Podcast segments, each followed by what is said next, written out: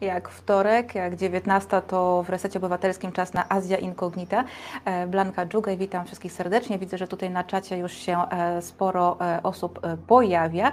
W, od czasu wybuchu wojny w Ukrainie, a właściwie po prostu agresji rosyjskiej na Ukrainę, dużo tutaj mówiliśmy i ja, i moi goście mm, o tym, że ta wojna oddziałuje nie tylko na Europę mówiliśmy o krajach arabskich, o Japonii, oczywiście o, o, o Chinach, ale ominęliśmy bardzo ważny region, jakim jest Azja e, Centralna i dzisiaj e, nadrabiamy tę zaległość z moim gościem, a moim gościem jest Miłosz Szymański, autor podcastu Za rubieżą, w którym ostatnio pojawił się nowy cykl. Tak jest. Dzień dobry, cykl nazywa się Tymczasem w Stanach. Tymczasem w Stanach, także e, ciekawie, ja jeszcze nie odsłuchałam, e, ale, ale, ale polecam e, cały, cały podcast, jest świetny, można się dowiedzieć bardzo ciekawych, ciekawych rzeczy. Mam nadzieję, że dzisiaj też, znaczy jestem przekonana, że dzisiaj też dowiemy się wielu ciekawych rzeczy, ale nie okaże. o Stanach, tylko o Azji Centralnej. Miłosz, no bo Wiadomo jest, że e, chyba trudno ukryć, że e, wojna w Ukrainie to w pewnym sensie e, ma w pewnym sensie związek z taką ideą odbudowy Związku Socjalistycznych Republik Radzieckich. Czy nie? Moim zdaniem nie. O! E, ja bym tylko chciał sklarować, tymczasem w Stanach chodzi o Stany, Kirgistan, Tadżykistan. Tak, tak, tak, tak. Natomiast jeżeli uważam, że nie, uważam, że Putin nie chce odbudować ZSRR, on chce odbudować Imperium Rosyjskie. Jeszcze dalej. Tak, tak uważam. Y, y, znaczy, wydaje mi się, że mm, przede wszystkim Imperium Rosyjskie miało większy zasięg terytorialny niż Związek Radziecki. Od tego bym mhm. zaczął. Związek Radziecki był z założenia projektem internacjonalistycznym, oczywiście w warstwie, nazwijmy to, deklaratywnej, bo to rzeczywiście w rzeczywistości było troszeczkę inaczej. E, natomiast Imperium Rosyjskie było zdecydowanie projektem imperialnym rosyjskim. Nie było mowy o internacjonalizmie. To jest car, Batiuszka, który mhm. opiekuje się wszystkimi narodami swoimi, no ale jednak miało ono zdecydowanie charakter rosyjski, ponieważ naczelnym y, hasłem y, Imperium Rosyjskiego było przecież e, w Polsce się mówi Bóg, honor, ojczyzna, a u nich było e, naro, nar, narodność, ludowość, e, car i prawosławie. Znaczy prawosławie, car, ludowość w tej kolejności. Mm -hmm. I myślę, że w tę stronę zmierzają myśli Władimira Władimirowicza. Mm -hmm.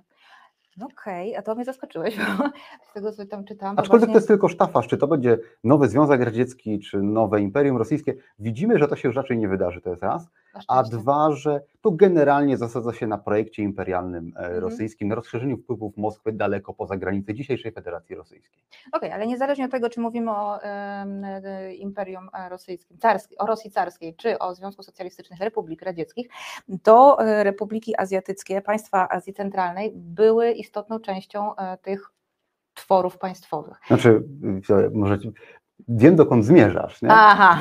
Przede wszystkim w tej chwili, e, w 2022 już teraz mhm. roku, to, że Rosja może twierdzić, że ma jakąś, może nie kontrolę, ale wpływ na Azję Centralną, jest jakimkolwiek uzasadnieniem, że możemy mówić o imperialności, o mocarstwowości Rosji, mhm. bo bez e, pięciu krajów Azji Centralnej, bez Stanów, mhm. zostaje z sojuszników Rosji Białoruś i Armenia.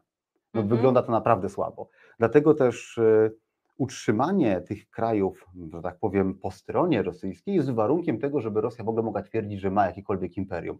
Dlatego w tę stronę właśnie zmierzają rosyjskie projekty, mm, nazwijmy to strategiczne, takie jak ten obóz, czyli ruskie NATO, czy też e, Euroazjatycka Unia Gospodarcza, e, do których należą poza Rosją właśnie Białoruś, Armenia, ale też na przykład Kazachstan czy, czy Kirgistan.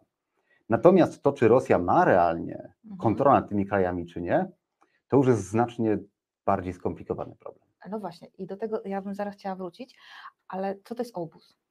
E, Organizacja Układu o Bezpieczeństwie Zbiorowym. To jest pełna nazwa rosyjskiego NATO. Mhm. To znaczy 30 lat temu, w 1992 roku, e, Rosja w Taszkencie, żeby było śmieszniej, który to Uzbekistan nie należy do obóz w tej chwili, ale należał dwa razy, mm, podpisano traktat właśnie o współpracy wojskowej, o koordynacji współpracy wojskowej, a w odpowiedzi na y, misję amerykańską w Afganistanie w 2002 roku to zostało sformalizowane, tak powstała Organizacja Układu mhm. o Bezpieczeństwie Zbiorowym, w skrócie OBUS. Mało seksowny nazwa. No, mało, nie, tak. nie, nie, będę ukrywać. Natomiast y, obóz jako projekt był pusty zupełnie, był wydmuszką, był tylko taką, mhm.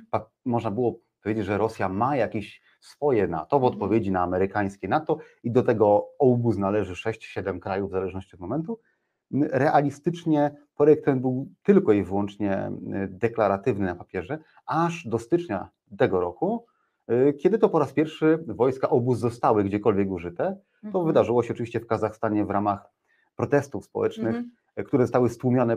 Znaczy, wojska obóz nie brały udziału w tłumieniu tych protestów, ale ponieważ zostały one szybko i sprawnie przewiezione do Kazachstanu i służyły głównie do pilnowania e, urzędów, lotniska e, czy, czy, czy innych budynków, no to więcej kazachskich żołnierzy mogło brać udział w pacyfikacji e, protestów. Ale sam fakt, że te wojska przybyły do Kazachstanu spowodował, że Kazachowie zobaczyli, że no, z tym protestowaniem może być różnie, bo zaraz dowiedzą jeszcze więcej wojska i naprawdę będą strzelać. Mhm. Aczkolwiek te protesty w Kazachstanie są dużo bardziej skomplikowane niż tylko to, że to były protesty, bo tam jest mnóstwo wątków, mnóstwo szarości, mnóstwo pytań, na które nie znamy jeszcze odpowiedzi, ponieważ dziwnym trafem w trakcie tych protestów Nursultan Nazarbajew, były władca Kazachstanu przez 30 lat, ustępuje ze wszystkich pełnionych e, funkcji. Mhm a wszyscy jego ludzie, zwana rodzina Nazarbajewa, zostają wycięci przez nowego prezydenta Tokajewa, Tokajewa, który był nominantem Nazarbajewa i Tokajew obsadza wszystkie możliwe stanowiska swoimi nominantami. Także ewidentnie te procesy zostały przechwycone przez Tokajewa i on użył ich do tego, żeby scementować swoją władzę, to tak nawiasem mówiąc. Ale też ważne a propos tego obuzu jest to, że Tokajew sam zaprosił Putina, żeby te wojska obuzu przyjechały. Tam były oczywiście też Ormianie i Kirgizi. Natomiast e, jak już się pacyfikacja skończyła, e, to w ciągu dwóch tygodni od zaproszenia te wojska wyjechały z Kazachstanu. W tym momencie, po pierwsze, była to potężna demonstracja siły ze strony Rosji, że możemy na, na zawołanie dosłownie zrzucić parę tysięcy żołnierzy we wskazane miejsce, ustabilizować sytuację i szybko wracać. Wtedy tego jeszcze nie wiedzieliśmy, że będzie wojna w Ukrainie, no ale faktem jest, że Mm, Putin wiedział od półtora roku przynajmniej, że ta wojna będzie, bo wszystko na to sobie, że tyle szykował swoje wojska. I w styczniu nie miał już czasu na to, żeby tam trzymać te mhm. wojska w Kazachstanie, szybciutko zostały one zawinięte. I wtedy wydawało się nam, że Rosja rzeczywiście sprawuje realną kontrolę nad, mhm. nad swoim obuzem, nad swoim NATO, który jest pewną mutacją Układu Warszawskiego, który podobnie jak obóz używał wojska tylko i wyłącznie wobec własnych członków. No dobra, okej, okay. to mówisz o kontroli. Y, sprawuje tę kontrolę czy nie? No właśnie. To jest y, niezwykle trudne pytanie, bo najpierw należałoby sobie odpowiedzieć na pytanie, co to znaczy, że Rosja sprawuje kontrolę. Mhm. To znaczy, że Władimir Władimirowicz dzwoni do prezydenta Dżaparowa, prezydenta mhm. Kirgistanu, czy do prezydenta Okajewa w Kazachstanie, czy do Rahmona w, w Tadżykistanie i mówi, teraz zrobisz to i tamto. No to byłaby sprawowanie kontroli. No oczywiście to tak nie wygląda. To nie mógłby sobie pozwolić na taką potwarz wobec partnerów. E, żeby im dyktować warunki. E, to nie ma miejsca. Oni są wszyscy traktowani przynajmniej deklaratywnie jako partnerzy, jako prezydenci sąsiednich państw, których, z którymi jesteśmy w sojuszu. Mhm. Mm, więc takiej kontroli Rosja nad tymi krajami nie sprawuje, bo nie mamy XIX wieku, teraz to wygląda inaczej. Ale wpływ rosyjski na poszczególne stany jest absolutnie różny i też pozycja tych krajów jest różna. Turkmenistan od samego początku swojej niepodległości, od 1991 roku, poszedł w skrajny izolacjonizm i w totalną neutralność. Oni nawet mają wielki pomnik w stolicy w Aszchabadzie, pomnik neutralności. Jedna z głównych gazet, znaczy wiadomo, że wszystkie są sterowane przez państwo, ale mhm. główna gazeta się nazywa Neutralny Turkmenistan. I oni te idee neutralności posunęli do kompletnego absurdu, bo polega to na tym z grubsza, że Turkmenistan nie jest zainteresowany międzynarodową polityką, czy jest zainteresowany handlem, współpracą, jakąś tam bardzo powierzchowną oczywiście, ale nie jest zainteresowany mieszaniem się w jakiekolwiek e, imprezy, że tak powiem, zagraniczne. -hmm. I Turkmenistan tego nie robi. To był pomysł ówczesnego dyktatora Turkmenistanu, e, Saparmurata Nijazowa, żeby zapewnić temu państwu niepodległość. On musiał mm, utwierdzić w przekonaniu nie tylko Rosji, ale też sąsiadów, chociaż no, Iran powiedzmy, czy, czy Uzbekistan, że ze strony Turkmenistanu im nic nie grozi, bo Turkmenistan jest państwem bardzo małym. W momencie ogłoszenia niepodległości ma 4 miliony mieszkańców, a prawie 90% powierzchni to jest pustynia Karakum, mhm. w której nic po prostu nie ma. Więc żeby zagwarantować sobie, że nikt się nie będzie mieszać we wewnętrzne sprawy Turkmenistanu, powiedział, że nie będzie się mieszać Turkmenistan w niczyje sprawy. W związku z powyższym dzisiaj Turkmenistan no, polityki zagranicznej de facto nie prowadzi. On jest zainteresowany sprzedawaniem gazu, bo to jest 90% eksportu Turkmenistanu. No jest zainteresowany współpracą handlową, owszem, ale poza tym uzyskanie wizy do Turkmenistanu jest niezwykle trudne. Mhm. Poziom odmów wiz do Turkmenistanu wynosi około 98%. Znaczy, żeby dzisiaj wpaść na pomysł, siedząc sobie w domu, że pojechałbym sobie na wycieczkę do Turkmenistanu i miesiąc później być w Turkmenistanie, to jest praktycznie rzecz biorąc niemożliwe. Y, większość ludzi, która była w Turkmenistanie, była tam na, albo na zaproszenie w mhm. ramach jakiejś y, spotkania, jakiejś współpracy kulturalnej, to z reguły pracownicy uniwersytetów i innych ośrodków państwowych, albo uzyskali wizę tranzytową, które mają troszkę mniejszy poziom odmów, no 90 mniej więcej procent, i jadąc przez Turkmenistan spędzili w nim jeden dzień, widząc na przykład do Iranu, do którego też się ciężko dostać. Albo też byli to ludzie, którzy wykupili wycieczkę w oficjalnej E, firmie wycieczkowej państwowej turkmeńskiej i wtedy płacąc 200 dolarów dziennie zostali oprowadzeni po głównych zabytkach w Ashhabadzie, zawiezieni zostali do tak zwanych wrót piekieł, gdzie od 72 roku płonie sobie ogień, e, płonie gaz, bo tam wydobywa się z podziemi tak, gaz to, to, i tak, tam tak, to sobie płonie już 50 lat. Zobaczyli to i pojechali do domu i spędzili 3 dni w Turkmenistanie. I tak na marginesie, i, i nic samodzielnie nie można zrobić wtedy? Nie, no nie no. Turkmenistan ma poziom kontroli społecznej gdzieś w okolicach, no, jeden gram, jeden centymetr powyżej Korei Północnej. To jest ten mhm. poziom. Tam nic się nie dzieje przypadkowo, nie można wyjść sobie na miasto, wyjść sobie na bazar, porozmawiać z ludźmi, to jest po prostu niemożliwe. E, więc Turkmenistan, jak już mówiłem, w tej całej układance jest zawsze z boku i jest tak naprawdę wielkim eksporterem memów i gazu i to wszystko. Jeżeli chodzi o E, o Kazachstan. On ma politykę najciekawszą, ponieważ Kazachstan jest krajem najbogatszym, mhm. powierzchniowo największym, aczkolwiek ludnościowo większy jest Uzbekistan. Kazachstan, um, zacznijmy od tego, że Nursultan Nazarbajew, który był um, władcą, nazwijmy to Kazachstanu przez 30 lat, e, budował ten kraj w niezwykle trudnych warunkach i ze wszystkich liderów Azji Centralnej wykazał się największym sprytem, największym geniuszem, można powiedzieć, politycznym, nie waham się mówić, że Nursultan Nazarbajew jest naprawdę wybitnym politykiem. To nie znaczy, że chciałbym, żeby był prezydentem w moim kraju. Ja rozumiem. Ale jeżeli definiować politykę jako mhm. umiejętność zdobycia i utrzymania władzy, mhm. to Nursultan Nazarbajew jest naprawdę wybitnym człowiekiem. E, Nursultan Nazarbajew przejmuje w 80, czy 89 roku staje pierwszym sekretarzem partii komunistycznej e, Kazachstanu i e, automatycznie płynnie z tego stanowiska przechodzi na stanowisko prezydenta e, Kazachstanu, kiedy Kazachstan ogłosił niepodległość. 8 dni po rozpadzie Związku Radzieckiego, więc przez 8 dni cały Związek Radziecki to był Kazachstan, można powiedzieć. O 16 grudnia to było, 91 roku. I teraz chodzi o to, że w momencie, w którym Kazachstan uzyskuje niepodległość, ludność tytularna w Republice, czyli mhm. Kazachowie, to jest 40% mieszkańców kraju. 38% to są Rosjanie, 22% są inne narodowości, Niemcy, Uzbecy, Koreańczycy i tak dalej. I takim kraju można było prowadzić różne rodzaje polityki, ale większość z nich gwarantowała wojnę domową albo jakieś potężne rozruchy. I największą zasługą Nazarbajewa jest to, że mimo oczywiście krwawo pacyfikowanych protestów, mhm. jemu się udało utrzymać ten kraj w jednym kawałku i zbudować jego państwowość de facto.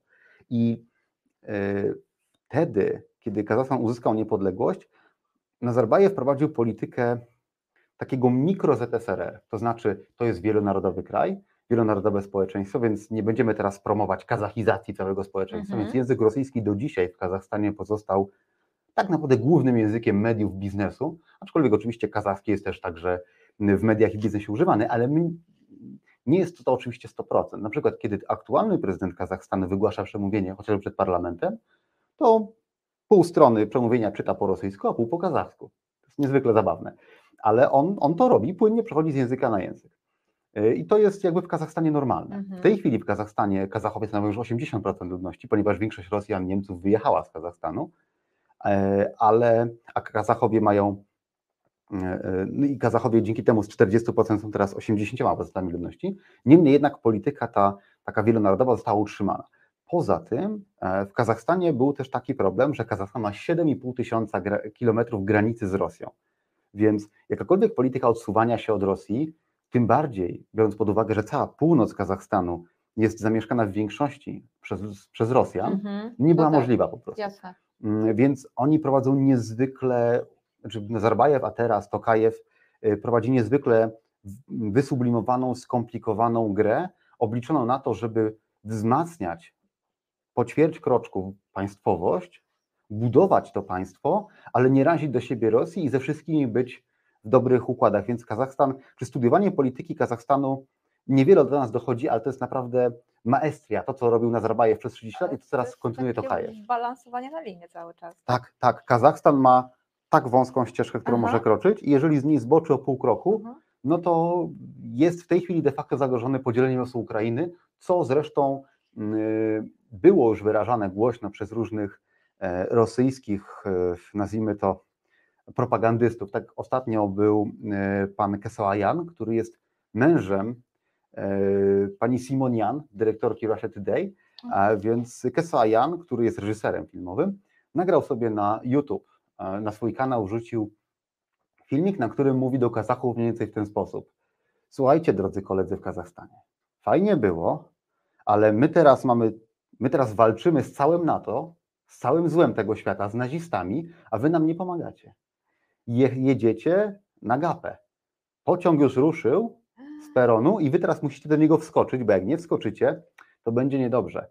Tak samo y, zmarły niedawno Żyrinowski, mhm. y, szef partii liberalno-demokratycznej, ale nie była ani liberalna, ani demokratyczna, y, mówił, że no ten, te północ Kazachstanu to jest właściwie Rosja, to trzeba, to musi wrócić do Rosji.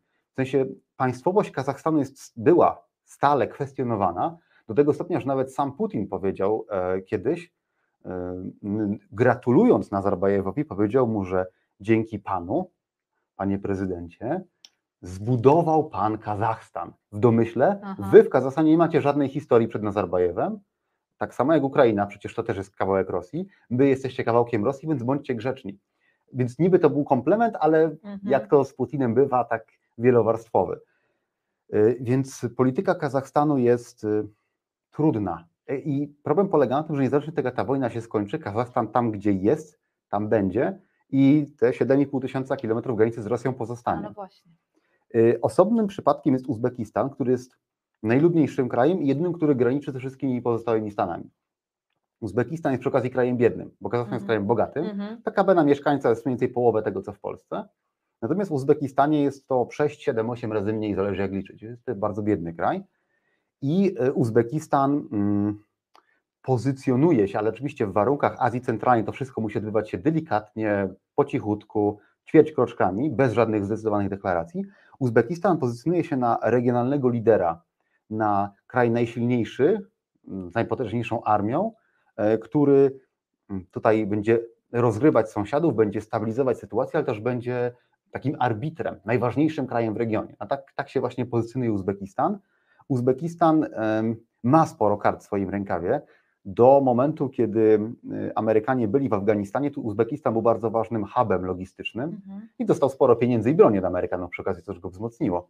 A od kiedy jest nowy prezydent w Uzbekistanie, Szafkat Mirzojew, który był wcześniej premierem za czasów Karimowa, mhm. poprzedniego prezydenta, dyktatora e, Kazachstanu, który to zmarł na urzędzie, i od 16 roku prezydentem jest Mirzojew.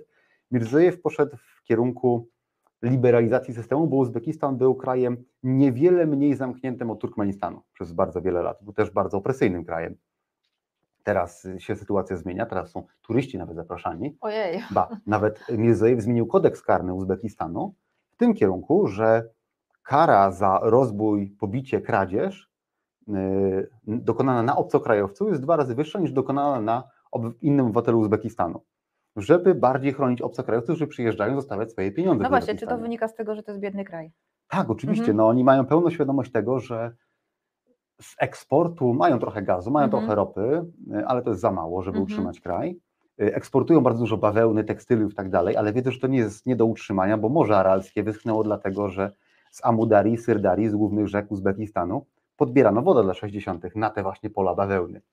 Więc oni próbują jakoś zdywersyfikować swoją gospodarkę, a z turystycznego punktu widzenia Uzbekistan jest wspaniałym krajem, bo po pierwsze ma no, absolutne perły średniowiecznej muzułmańskiej architektury, tak jak Buchara czy Samarkanda.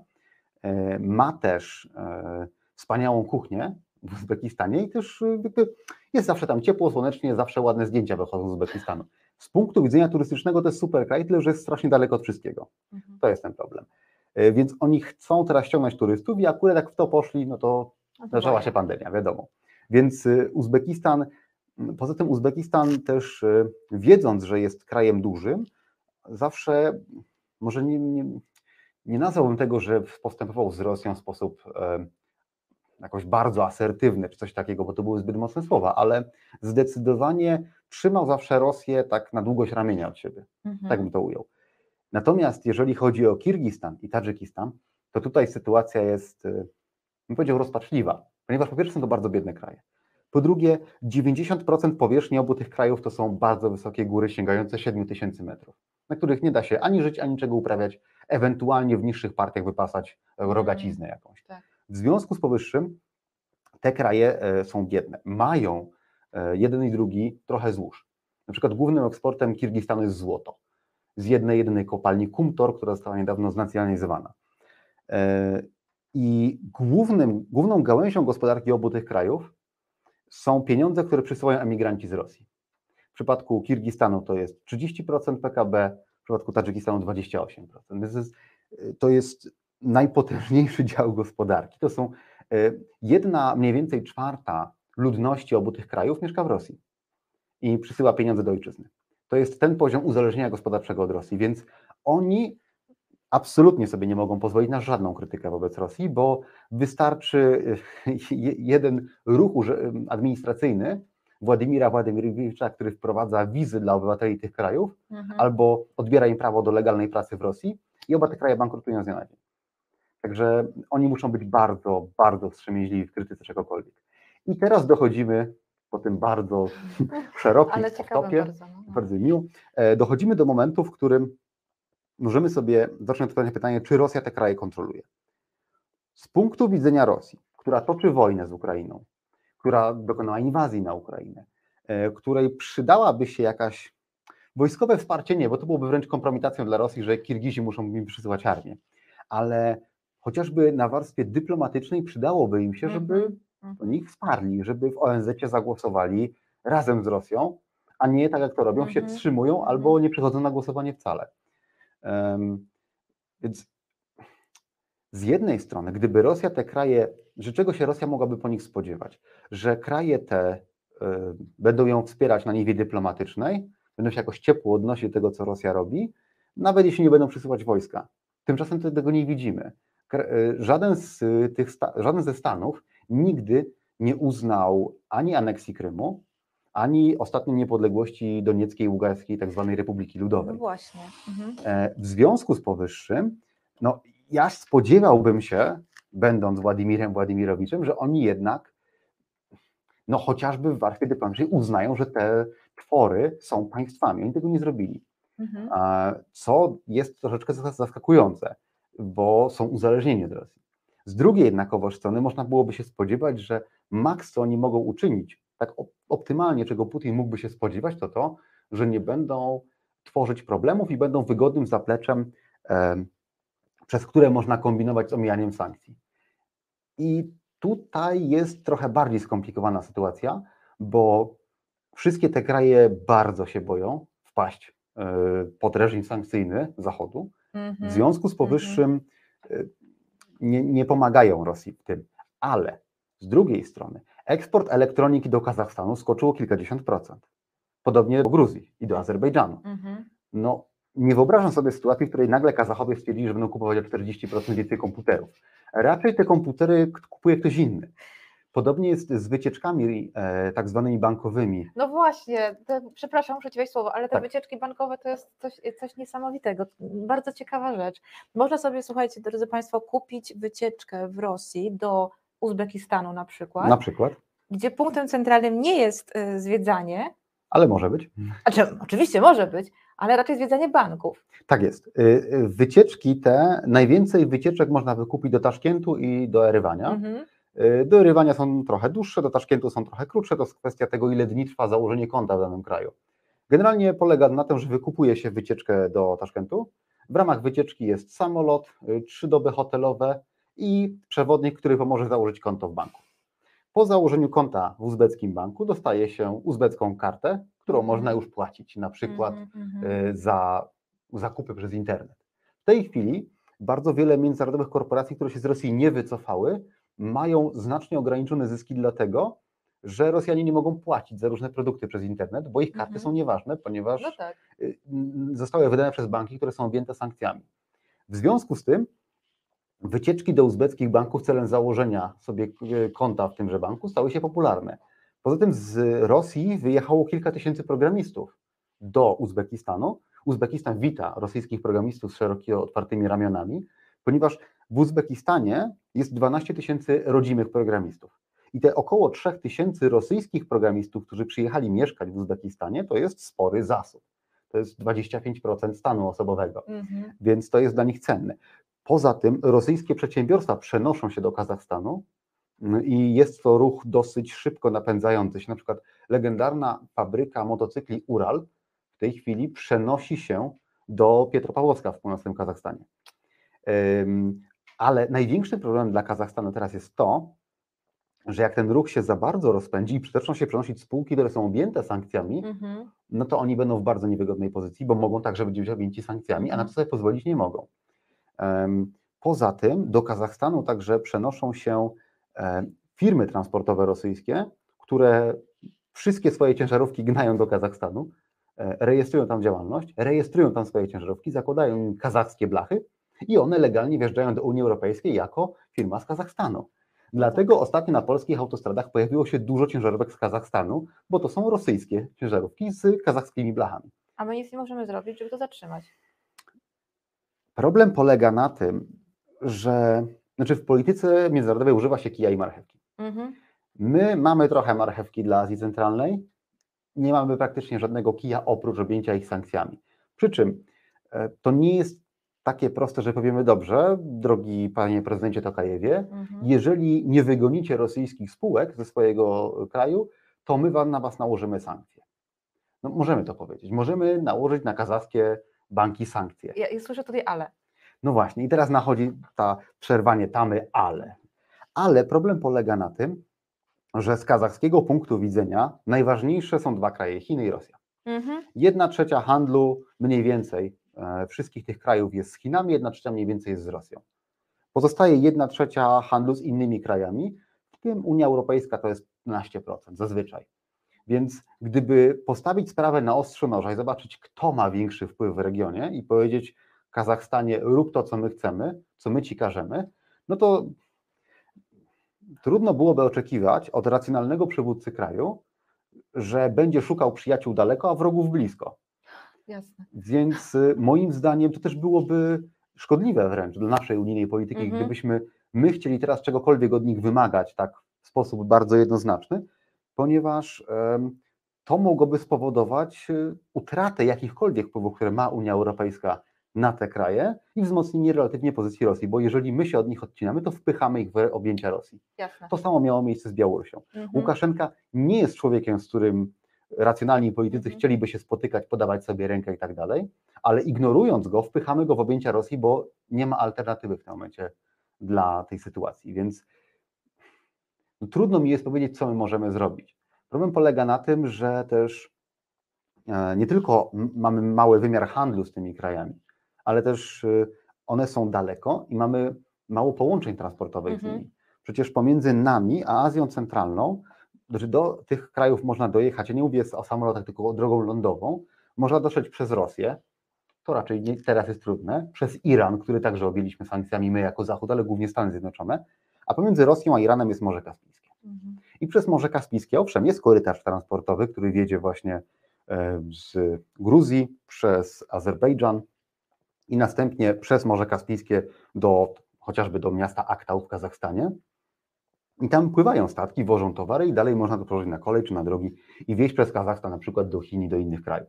Mamy taki korytarz, ale on jest znacznie mniej wydajny niż droga przez Rosję, no bo trzeba dwa razy przeładować na Morzu Kaspijskim Mhm. towary z pociągów na statek, ze statku na pociąg. Mhm. Więc y, niestety, ale nie mamy wielkiego lewara na te kraje z Mhm. jednej strony, a z drugiej strony bardzo łatwo byłoby całkowicie do siebie je zrazić. Zrazić. Y, wzięłam tutaj komputer, bo a propos Uzbekistanu, w połowie marca, przemawiając na sesji plenarnej Senatu uzbeckiego, minister spraw zagranicznych powiedział, chcę zacytować dokładnie, po pierwsze, działania wojskowe i przemoc należy natychmiast powstrzymać. Republika Uzbekistanu uznaje niepodległość, suwerenność i integralność terytorium Ukrai terytorialną Ukrainy, a jednocześnie nie uznali e, niepodle e, niepodległości e, Doniecka i Ługańska. Tak jest. To był bardzo silny sygnał. Jak już mówiłem, mm. Uzbekistan zawsze pozostawał, nazwijmy to, asertywny, jak na mhm. lokalne warunki wobec mm. Rosji. To prawda, minister spraw zagranicznych to powiedział, przy czym to jest właśnie charakterystyczne. Powiedział to minister spraw zagranicznych, a nie prezydent. Aha. W systemie uzbeckim Aha. zasadniczo, jeżeli czegoś nie powie prezydent, w tym wypadku Mirziojew, to nie jest to aż tak głośne. E, system uzbecki jest tak skonstruowany, że urząd prezydenta jest najważniejszy w kraju, mhm. a wszyscy urzędnicy są wymienialni w każdej chwili. Parlament nie ma wielkiej roli, delikatnie mówiąc. Mhm. Więc y, gdyby to powiedział Mirziojew, że my uznajemy integralność terytorialną Ukrainy, no to byłby silniejszy sygnał. Aczkolwiek jest to sygnał, powiedzmy, na tyle mocny, na ile Uzbekistan mógł sobie pozwolić. Tak bym to ujął. W sensie sam fakt, że Uzbekistan przemilczał e, rosyjskie, nieformalne co najmniej apele o uznanie państwowości Doniecka i Ługańska i o to, żeby uznać, że Krym jest częścią Rosji, no to już jest silny sygnał. Gdyby Rosja mhm. kontrolowała Uzbekistan, no to Uzbekistan by to zrobił. Ale widać, że Rosja Uzbekistanu nie kontroluje. Mhm, Pytanie też brzmi, ile Rosja może wymagać od tych krajów? Od, od Uzbekistanu mniej, od Kirgistanu na pewno więcej, ale Kirgistan też nie uznał. Tego typu deklaracja, że minister spraw zagranicznych Uzbekistanu mówi, że my uznajemy integralność terytorialną Ukrainy, to jest mocny sygnał, ale to jeszcze nie znaczy, że Uzbekistan cokolwiek zrobi w tym kierunku. Wszystkie te kraje zgodnie powtarzają, że zwaśnione strony Ukraina i Rosja powinny się pogodzić, usiąść do stołu, rozwiązać e, konflikt e, metodą e, dyplomatyczną, nazwijmy to w ten mhm. sposób. To jest maks, na co oni sobie mogą pozwolić, moim zdaniem. Jeżeli minister spraw zagranicznych Uzbekistanu mówi, że uznaje integralność terytorialną Ukrainy, w domyśle w granicach sprzed 2014 mhm, roku, tak. no to jest moim zdaniem absolutne, absolutne maksimum, na co Uzbekistan sobie może pozwolić, bo gdyby Mirziojew to powiedział i gdyby to jeszcze chciał jakoś bardziej podkreślać, to w tym momencie Uzbekistan należy się na retorsję, potężne retorsje z strony Rosji, a w Rosji mieszka 4 miliony Uzbeków którzy -hmm. pracują w Rosji, tylko że dla Uzbekistanu pieniądze, które przysyłają Uzbecy, to jest około 12% PKB. Jak już mówię, Kirgistan, Tadżykistan około 30%. Więc to jest relatywnie mniejszy problem.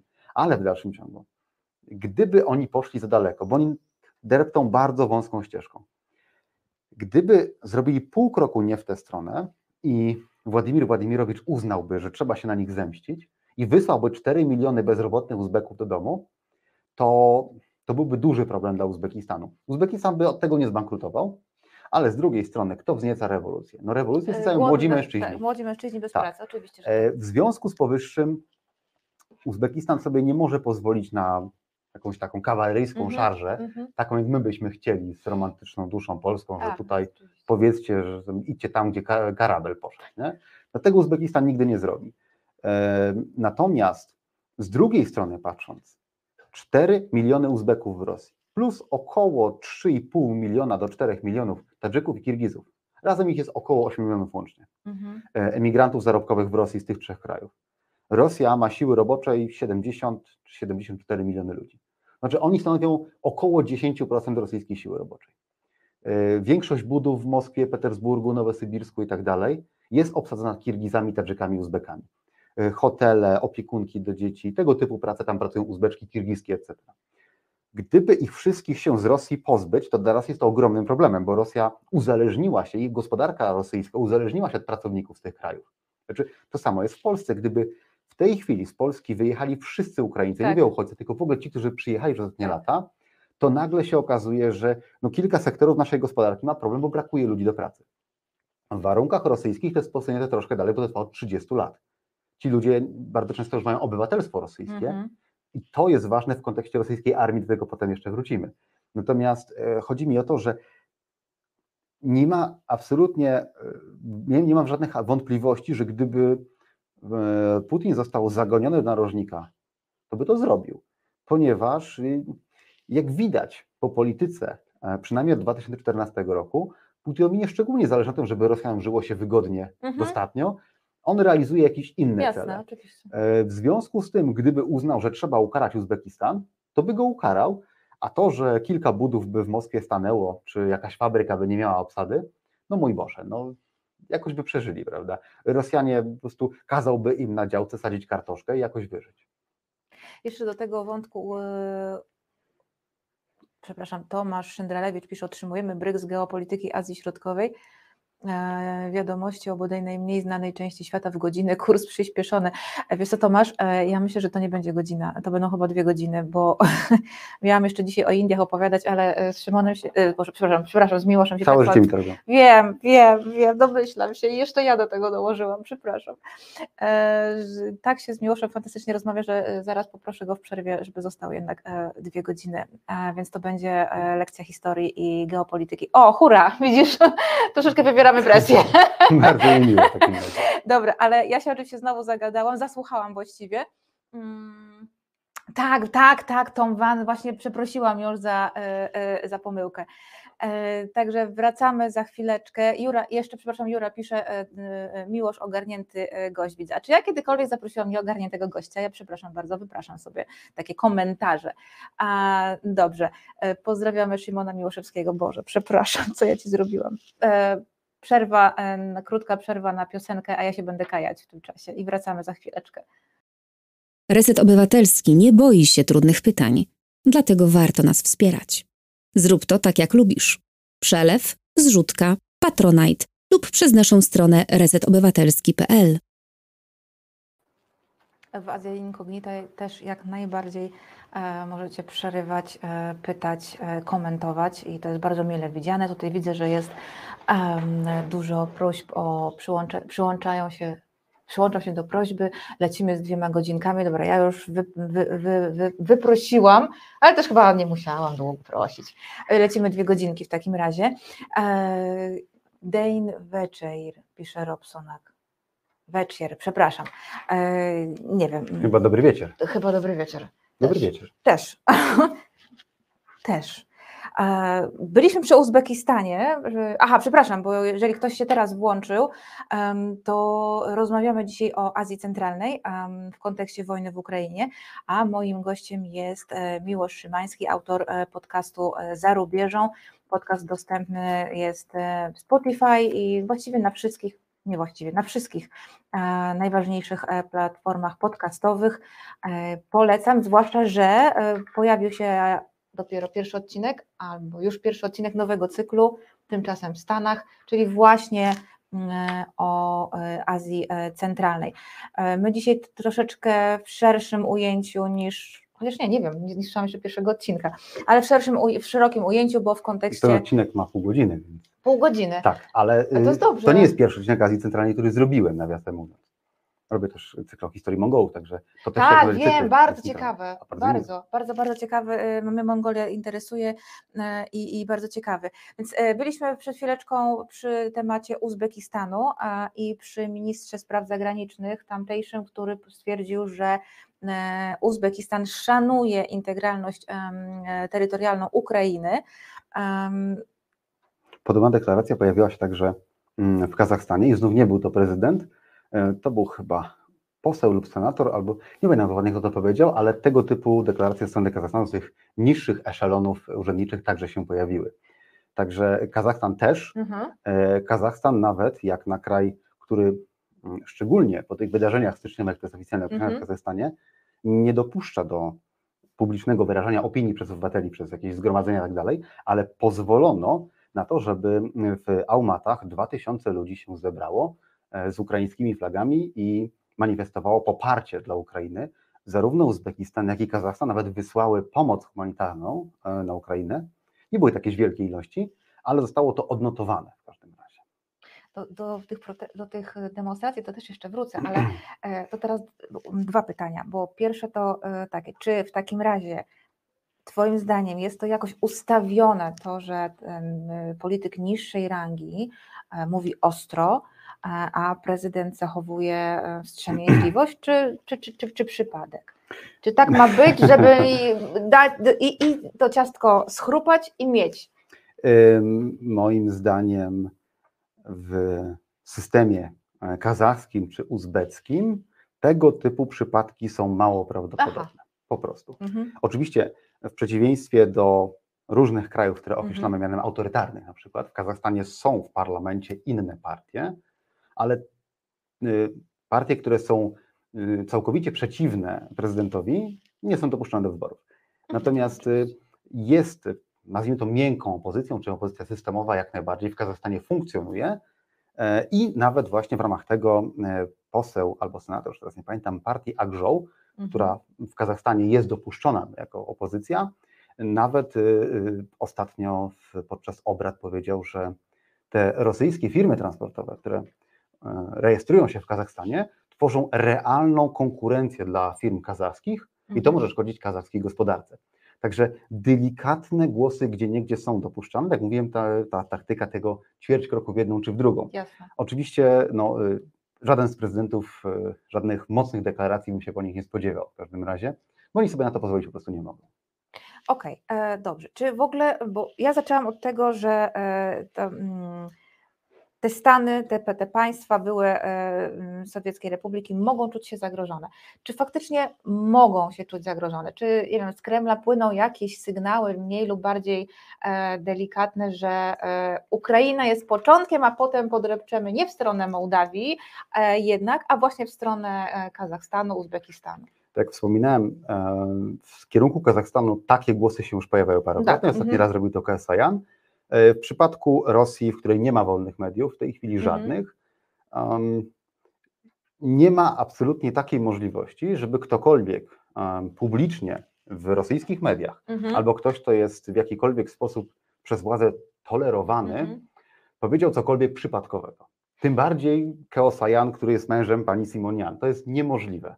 E, więc y, jeżeli tego typu sygnały są wysyłane w kierunku Kazachstanu, a Kazachstan jest jedynym stanem, który graniczy z Rosją, więc wiadomo, że no, pierwsze zainteresowanie będzie w stronę Kazachstanu, jest to absolutnie moim zdaniem wykluczone, żeby mm, z Rosji płynęły takie głosy i to nie były głosy, które są przez władze inspiro- czy które nie są przez władze mhm. inspirowane, albo zlecone, albo przynajmniej tolerowane. W mhm. związku z powyższym groźby wobec Kazachstanu moim zdaniem są realne i gdybym ja był prezydentem Kazachstanu, to absolutnie bym tego nie ignorował. Mhm. Uważam, że, e, że wszystkie Stany wiedzą, że jeżeli ta wojna skończyłaby się w ten sposób, że Ukraina zostałaby podbita, schołdowana, podporządkowana Rosji w jakikolwiek sposób, no to to nie jest tak, że oni sobie mogą na dużo pozwolić. W sensie dla nich w tym momencie obszar swobody się kurczy i zupełnie realnym jest, że Rosja by stwierdziła, że ok, udało się z Ukrainą, mhm. no to jedziemy dalej. Pierwszy mhm. jest Kazachstan, który ma, jak już mówiłem, trudną sytuację, bo pierwszy ma długą granicę z Rosją, po drugie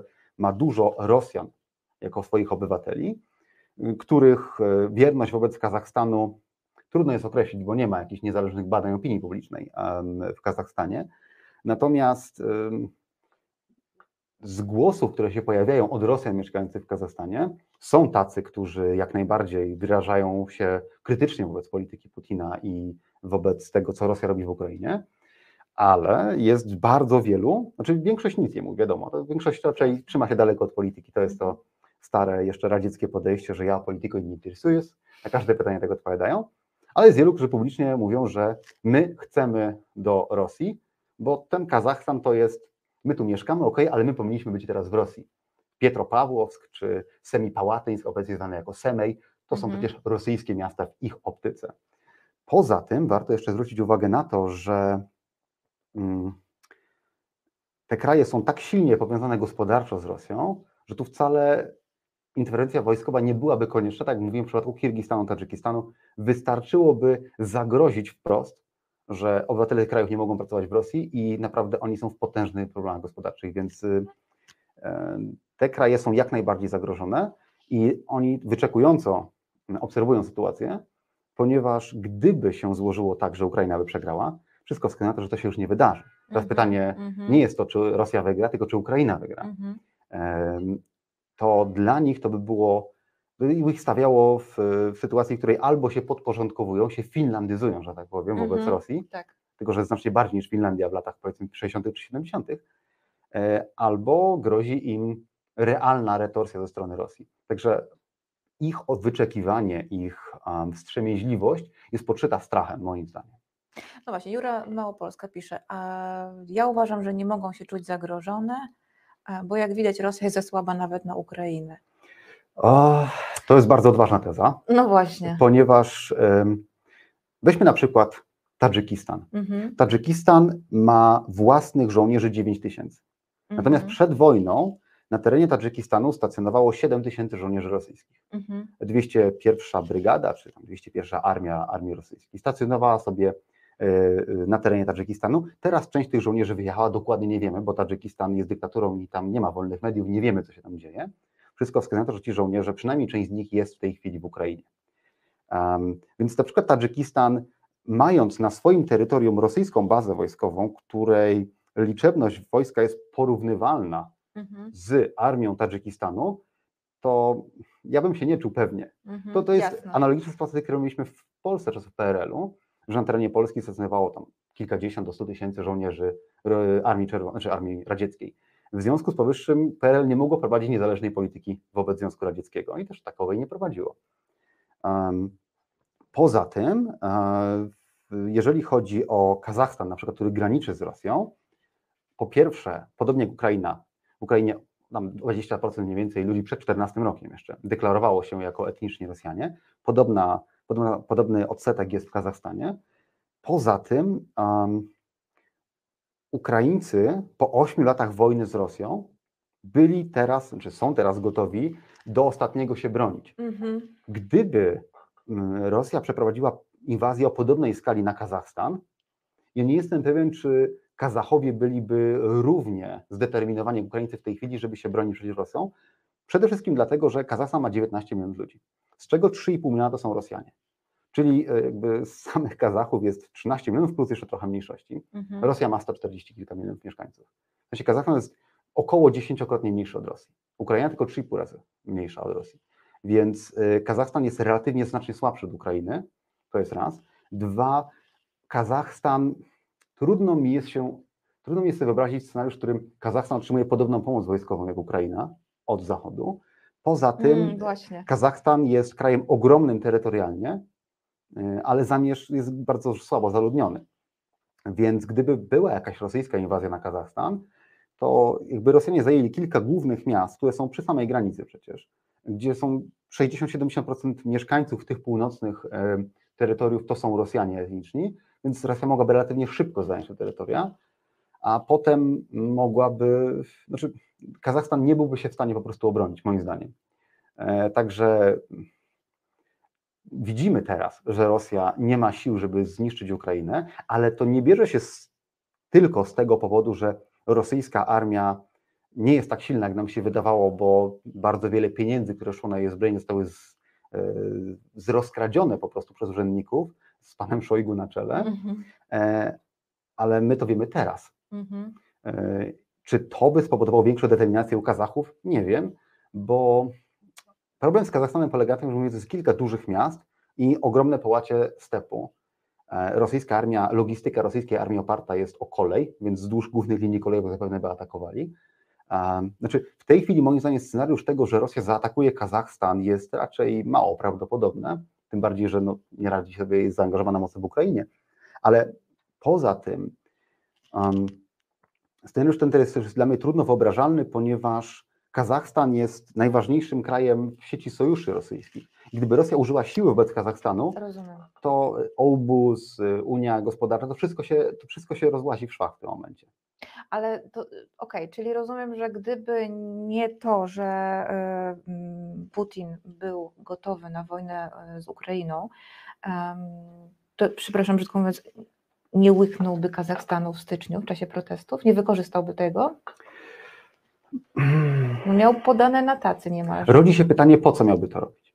Moim zdaniem. Mhm. Bo Kazachstan nie prowadzi polityki wrogiej Rosji przecież. Mhm. Kazachstan jest sojusznikiem Rosji na wszystkich możliwych polach, mhm. przynajmniej deklaratywnie.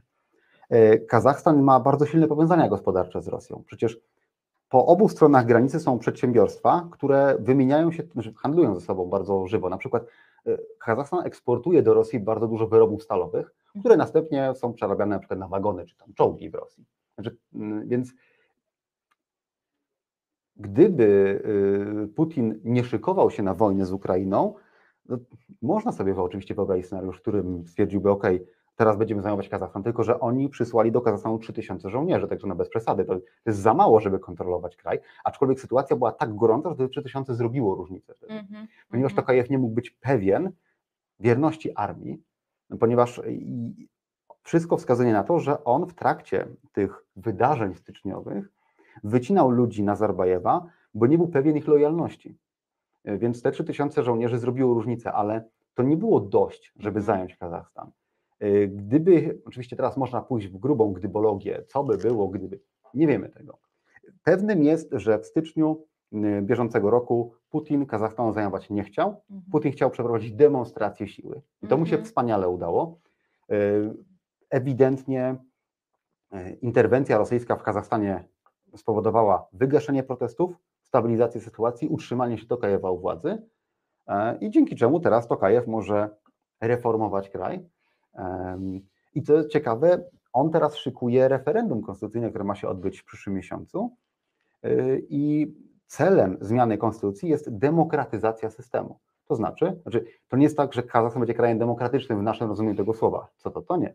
Natomiast um, Tokajew ogłosił podczas głośnego przemówienia z 16 marca, że Kazachstan będzie odchodzić od systemu superprezydenckiego mhm. do systemu z silną prezydenturą, silnym parlamentem, cokolwiek to znaczy. Um, on w tej chwili w warstwie deklaratywnej pokaz- mówi, że Kazachstan będzie się demokratyzować, że to, co zrobił Nazarbajew, było dobre. On nie potępia absolutnie Nazarbajewa. Mhm. On mówi, że po prostu ten system był dobry, ale czasy się zmieniły i jego przydatność się wyczerpała. I teraz trzeba zmienić system. To nie jest tak, jak na przykład było w Chinach, po tym jak Mao został obalony, i, I, narracja była taka, że polityka Mao to było w 70% dobrze, 30% źle. Tokajew tak, tak, nawet tak. tego nie robi. Tokajew mówi wprost, wszystko co, nie wszystko, ale mówi tak, że system zbudowany przez Nazarbajewa był dobry, e, a teraz będziemy go zmieniać, bo się zmieniły czasy, bo on się już służył, bo minęło 30 lat, trzeba zreformować kraj.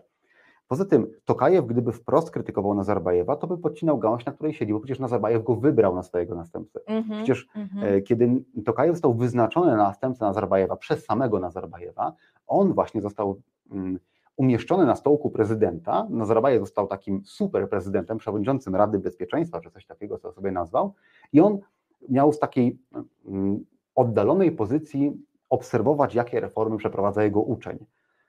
Więc gdyby, Nazarbajew, gdyby Tokajew teraz powiedział, że Nazarbajew był zły, był dyktatorem, cokolwiek, to by kwestionował cały system, który wyniósł go do władzy, więc tego też bym się po nim nie spodziewał.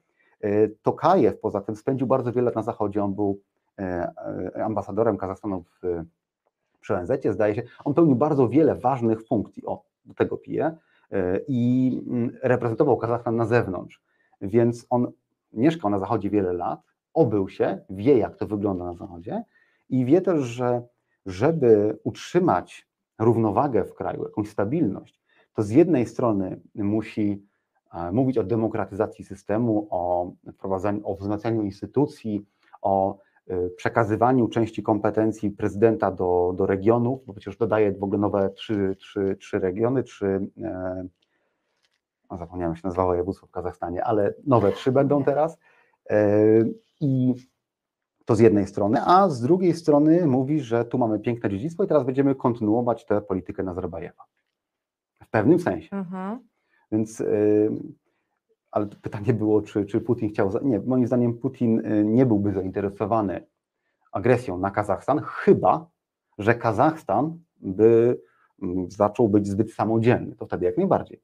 Ale to trzeba ukarać, rozumiem. Tak, no ale tak, tego no. ani Nazarbajew, ani Tokajew nie robił i absolutnie mi się nie spodziewał, że sobie na to pozwolą. Mhm.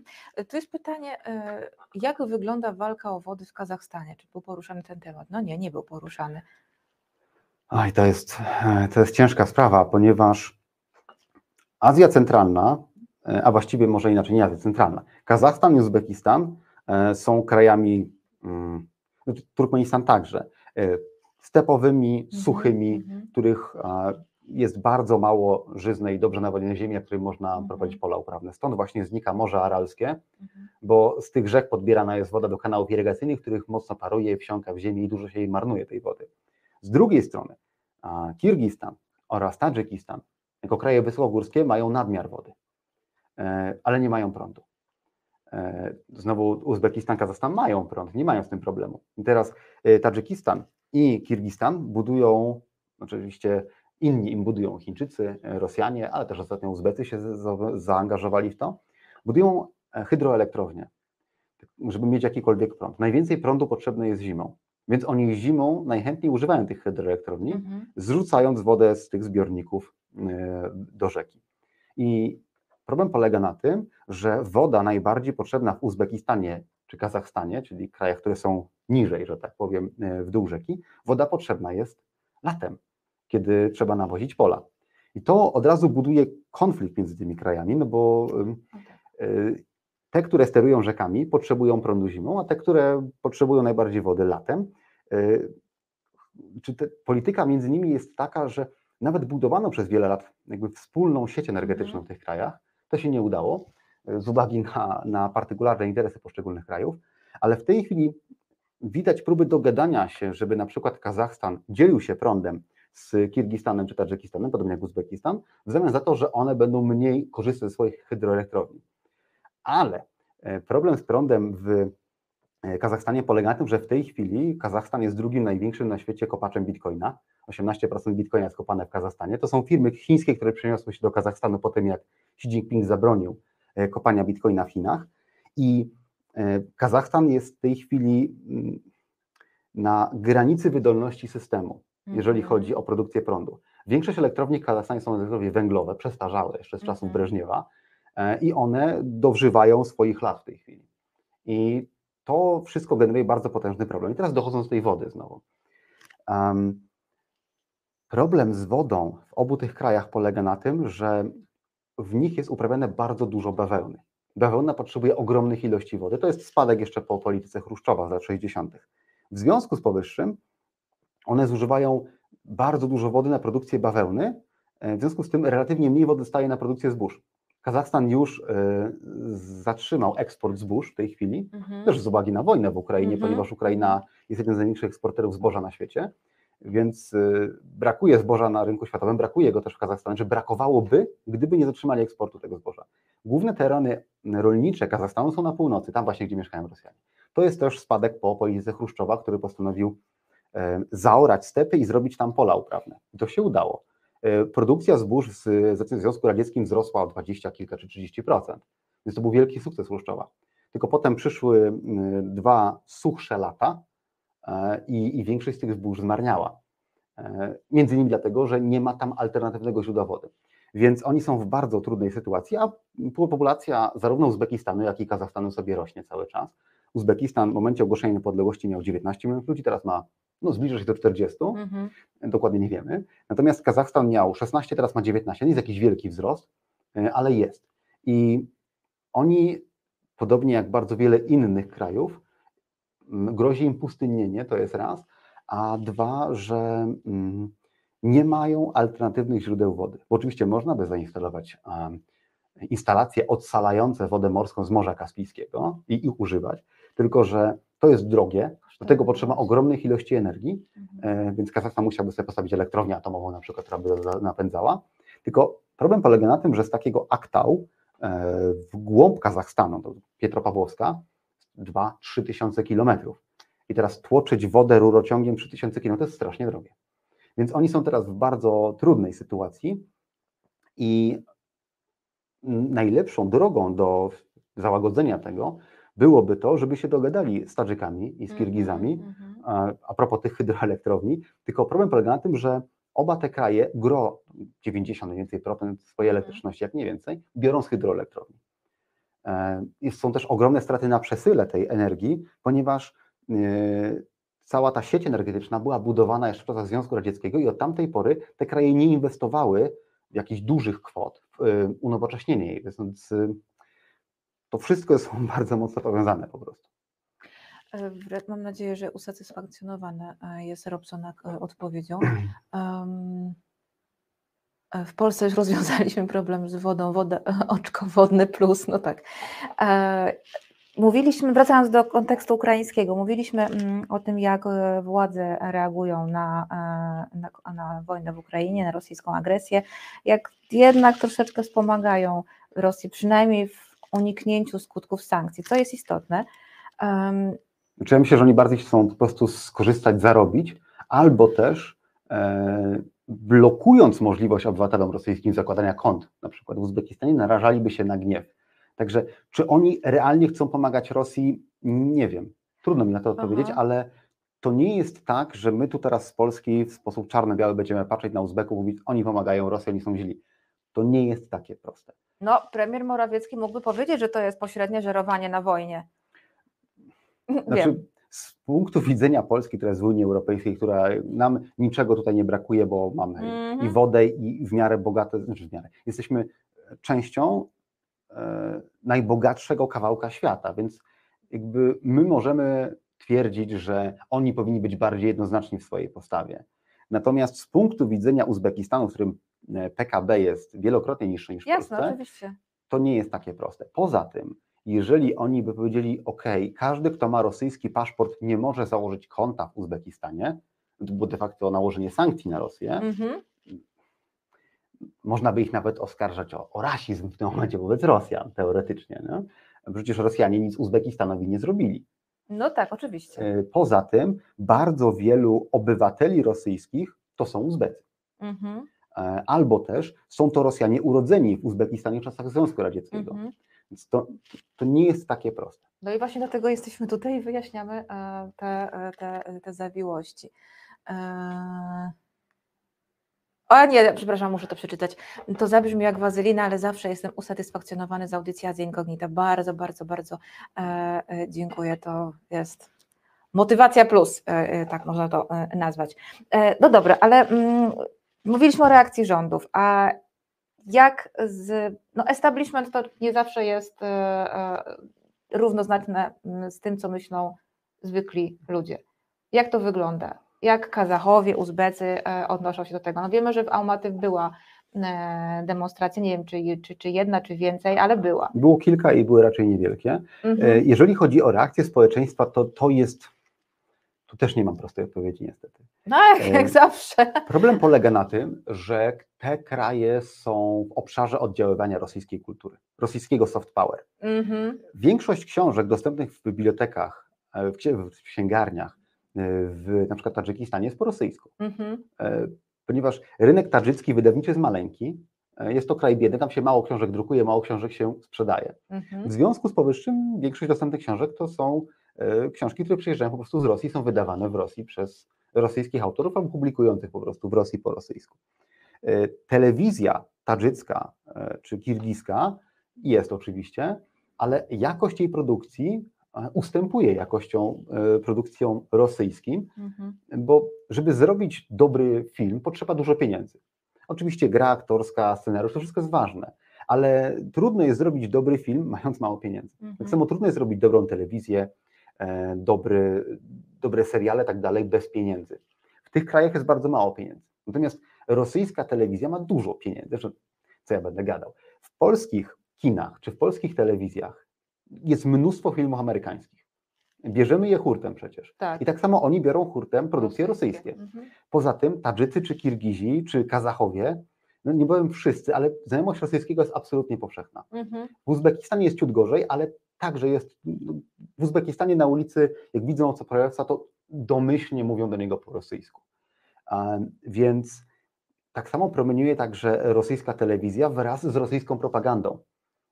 Ponieważ oni nie mają Mm, łatwo dostępnych e, rosyjskojęzycznych albo uzbecko, albo kazachskojęzycznych mediów. Oczywiście działa BBC chociażby, mm -hmm. czy, mhm. czy e, Radio Wolna Europa w lokalnych tam odsłonach, czy to Radio OZD, czy Azatyk, one jak najbardziej funkcjonują i dostarczają informacje dla tych ludzi w lokalnych językach, żeby oni mogli to chłonąć. Ale, jak już mówiłem, Tadżykistan jest krajem, w którym władza kontroluje wszystkie media. Uzbekistanie również nie ma publicznie, powszechnie dostępnych, niezależnych mediów. W Kazachstanie generalnie też. W Turkmenistanie nie ma mowy o żadnych mediach pozapaństwowymi, które sprzedają tylko i wyłącznie propagandę. Mhm. Jedynym krajem, który ma wolność słowa porównywalną z europejską, y, jest Kirgistan. I tam jak najbardziej są dostępne. Y, ostatnio w ogóle wyszedł ranking wolności prasy. Na 180 krajów Turkmenistan jest na miejscu 177. Wolność słowa jest jak w Korei Północnej czy czymś takim. Mhm. Uzbekistan jest troszeczkę wyżej, około mhm. 150 miejsca. Kazachstan jest 120 któryś. Tadżykistan też tam jest bardzo, bardzo nisko. E, Kirgistan jest 66, Polska jest 50 czy 60 jakoś tak. Jesteśmy, to, to, jest, to jest tak. Przy czym e, trudno jest robić niezależne, e, fachowe dziennikarstwo w kraju, który ma, tak Kirgistan, 6,5 miliona mieszkańców e, i się z tego jeszcze utrzymać. Czy mm. W Polsce dziennikarze nie zarabiają kokosów. Ja nie mówię o gwiazdach dziennikarstwa, ja mówię powszechnie o dziennikarzach nie zarabiają kokosów. I jeżeli mamy do czynienia z tak małym rynkiem jak kirgiski, który jest to kraj sześciokrotnie mniejszy od Polski i jeszcze znacznie biedniejszy, no to teraz trudno jest, y, oczywiście można operować w zagranicznych grantach, tak dalej, to jest bardzo ograniczone. Generalnie trudno jest y, założyć niezależną gazetę i ze sprzedaży tej gazety albo reklam w tej gazecie wyżyć. Więc te media niezależne od władzy są, ale są bardzo słabe. W związku z tym rosyjska propaganda dociera do ludzi bardzo powszechnie, no bo to każdy może mieć e, na swoim pakiecie satelitarnym Rosja 1 czy Rosja 24, czy tam e, e, inne rosyjskie kanały. No i z tej rosyjskiej telewizji dostanie tylko i wyłącznie brutalną rosyjską propagandę. W związku z tym ci ludzie myślą trochę inaczej niż my, mhm. tym bardziej, mhm. że no, oczywiście 30 lat niezależnej państwowości spowodowało, że oni mają troszkę inną mentalność niż w czasach sowieckich, ale dla nich Związek Radziecki nie jest tym, czym Związek Radziecki jest dla nas. Dla nas Związek Radziecki był państwem opresyjnym, zbrodniczym, który nas e, prawda, trzymał pod butem przez pół wieku i tak dalej, z którym stoczyliśmy brutalną wojnę. Ale e, w przypadku Kirgistanu dziedzictwo radzieckie jest rozpatrywane zupełnie inaczej. Mhm. Za czasów radzieckich w Kirgistanie żyło się relatywnie dostatnio. Każdy zarabiał 100 rubli miesięcznej pensji mhm. i to wystarczało na podstawowe produkty. Nie musiał się martwić dniem jutrzejszym. Związek Radziecki, za czasów Związku Radzieckiego zbudowano w Kirgistanie czy Tadżykistanie szkoły, drogi, szpitale. E, ludzie nauczyli się pisać, czytać. E, jako pierwsi poszli na, na uniwersytet. Jako pierwsi mieli bieżącą wodę w domu w czasach Związku Radzieckiego. Mhm. Więc biorąc to pod uwagę i biorąc pod uwagę fakt, że Rosja mieni się spadkobierczynią Związku Radzieckiego, to dla nich przekaz rosyjski nie jest jednoznacznie zły. Oczywiście w tych krajach funkcjonuje bardzo wielu ludzi, którzy są jednoznacznie przeciwni imperialnej polityce rosyjskiej, którzy to widzą, e, ale że społeczeństwo tych, społeczeństwa tych krajów, nie było w Turkmenistanie, bo tam jest dyktatura, wszystko jest zamknięte, tak totalnie, mhm. E, ale społeczeństwa tych krajów widać pewną polaryzację w nich. Dzielą się na tych, nazwijmy to w cudzysłowie, w ogromnym uproszczeniu, nowoczesnych, którzy e, konsumują niezależne media, którzy patrzą na Rosję e, jako na kraj imperialny, agresywny, e, ale jest bardzo wielu ludzi, którzy patrzą na to w ten sposób, że no, Rosja, nasza przyjaciółka, nasz główny partner handlowy i tak dalej, więc to powoduje, że mm, w tych krajach jest bardzo wielu ludzi, nie jestem w stanie podać procentów, bo w większości tych krajów nie ma sondaży prowadzonych. Nie ma też niezależnych wyborów, żeby sprawdzić, kto realnie kogo popiera, ale jest bardzo duża grupa ludzi, którzy albo się tym nie interesują, znaczy Ukrainę znają, bo przecież byliśmy w Związku Radzieckim, ale nigdy tam nie byli, nigdy tam nie pojadą, bo ich na to nie znać. E, więc dla nich ta wojna Rosji z Ukrainą to jest, to jest jakiś konflikt między nimi. To nas nie dotyczy nasza chata z kraja. W związku z powyższym teraz ocenianie powiedzmy na przykład Tadżyków, że oni masowo nie protestują, jest niesprawiedliwe w tym momencie, bo oni zostali wychowani w zupełnie innym Jasne, systemie, oczywiście. tym bardziej, że w Tadżykistanie nie można protestować, e, bo to jest dyktatura. E, w Kazachstanie te protesty zostały dopuszczone, ale tylko w ograniczonej liczbie. Jakby na ulicę Aumat wyszło 100 tysięcy ludzi mhm. manifestować poparcie dla Ukrainy, to te protesty zostałyby rozpędzone nie dlatego, że władze nie chcą pokazywać, że u nas aż tak bardzo się popiera Ukrainę, bo to jeszcze mogliby, Tokajew mógłby z Putinem tak jakoś załagodzić. Tylko chodzi o to, że oni się boją zbyt dużych zgrupowań, tak, e, bo to mogłoby się zaraz przerodzić mm, w protest pro, z proukraińskiego na antywładza. Jasne. Więc y, Oni starają się kontrolować. Jak mówię, każdy z tych krajów jest trochę inny, znaczy nawet bardzo inny, wbrew temu, co nam się może wydać. Mało o nich wiemy, że nas są takie mhm. same, ale oni żyją w innym świecie zupełnie i też y, wokół tych, nawet w tym Kirgistanie, który jest najbardziej demokratycznym krajem, które są normalne wybory przecież, nie? czy demokratyczne jak na lokalne standardy, ale gdzie jest realna wymiana władz, y, gdzie funkcjonują niezależne media, gdzie nie ma kar za tego typu rzeczy, to nawet tam, jak się spojrzy, kto, jakie, jak, jakie są systemy w krajach sąsiadujących z Kirgistanem, no to w, jeżeli oni się porównują do swoich sąsiadów, no to widzą, u nas jest swobodniej niż w Tadżykistanie. Czyli to już jest jakkolwiek motyw, oni się nie będą porównywać z Polską. Oczywiście dla nich my jesteśmy jakimś, może nie wzorem do naśladowania, ale dla ludzi, którzy interesują się polityką, my jesteśmy dobrym przykładem kraju, który się świetnie zreformował od kraju komunistycznego mm -hmm. do mhm. y, kapitalistycznego, demokratycznego. Myśmy się wzbogacili przecież, wzrost gospodarczy Polski za ostatnie 30 lat to jest 840%. Ustępuje tylko chińskiemu na całym świecie. To jest niezaprzeczalny sukces naszego kraju. I oni studiując to widzą, że okej, okay, tak to można robić. Przecież e, wiele lat temu, 20 lat temu zdaje się, jeździli nasi doradcy do Kazachstanu doradzać Nazarbajewowi, jak ma reformować kraj w kierunku bardziej nowoczesnego, demokratycznego itd. Tak Więc oni, elity lokalne, spoglądają na nas na jako pewien wzór. Oczywiście to nie znaczy, że zaraz będą demokracje, bo to nie tak, to tak nie działa, ale przeciętni mieszkańcy tych krajów, porównując się z sąsiadami, no co widzą? Widzą cyfrową, totalitarną dyktaturę w Chinach, mm-hmm. totalitaryzujący się kraj, czyli Rosję, mm-hmm. i mniej lub bardziej e, autorytarne kraje w regionie. Mm-hmm. Więc e, z punktu widzenia e, Kirgiza, u nich jest swoboda. Aczkolwiek dla tych ludzi nie jest ważne to, czy oni mogą publicznie wygłaszać swoje poglądy, czy jest ważne, ale nie, nie jest tak ważne, jak to, że jest to kraj biedny i jakby parafrazując, e, Lenin powiedział kiedyś, że e, naród głodny nie będzie robić rewolucji. I trochę tak to jest na przykład w Tadżykistanie czy w Kirgistanie. Jeżeli dla człowieka głównym zmartwieniem jest to, czy on jest w stanie wykarmić swoją rodzinę, to to, czy on może zagłosować na jakąś partię, czy nie, czy może własną partię założyć, czy może yy, prawda, konsumować zachodnie media, czy nie, to jest mniej ważne. No tak, w tym kontekście tak, jasne, zgadzam się. E, dobra, robimy chwilkę przerwy. Tutaj był komentarz e, taki dosyć gorzki. Jeszcze w 2015 roku byliśmy na 18 miejscu w rankingu wolności mediów. Cóż, Robsonak. E, pyta... Warto jeszcze zwrócić uwagę, że wszystkie kraje Azji Centralnej w tym rankingu podskoczyło, parę miejsc, ale dlate, dlatego, że metodologia liczenia się trochę zmieniła. A. Więc to, to tam ranking wolności prasy nie jest niezmienny. W tym roku się mhm. trochę zmieniła metodologia i nagle wszystkie pięć krajów regionu mm. podskoczyło, prawda? Aczkolwiek ich punktacja spadła. Bo generalnie punktacja wielu krajów spadła, więc, okay. bo dodano dodatkowe warunki, -hmm. dodatkowe mnożniki, można powiedzieć. E, więc y, jeżeli chodzi o wolność prasy w regionie, a o tym mówimy, to tam jest pewien konstans. Konstans, rozumiem. Raczej tak. Okej. Okay. Tutaj e, Robsonak pyta, a jaki wpływ na Tadżykistan i Kirgistan mają Chiny? Ja o tym, e, o to będę pytać, bo e,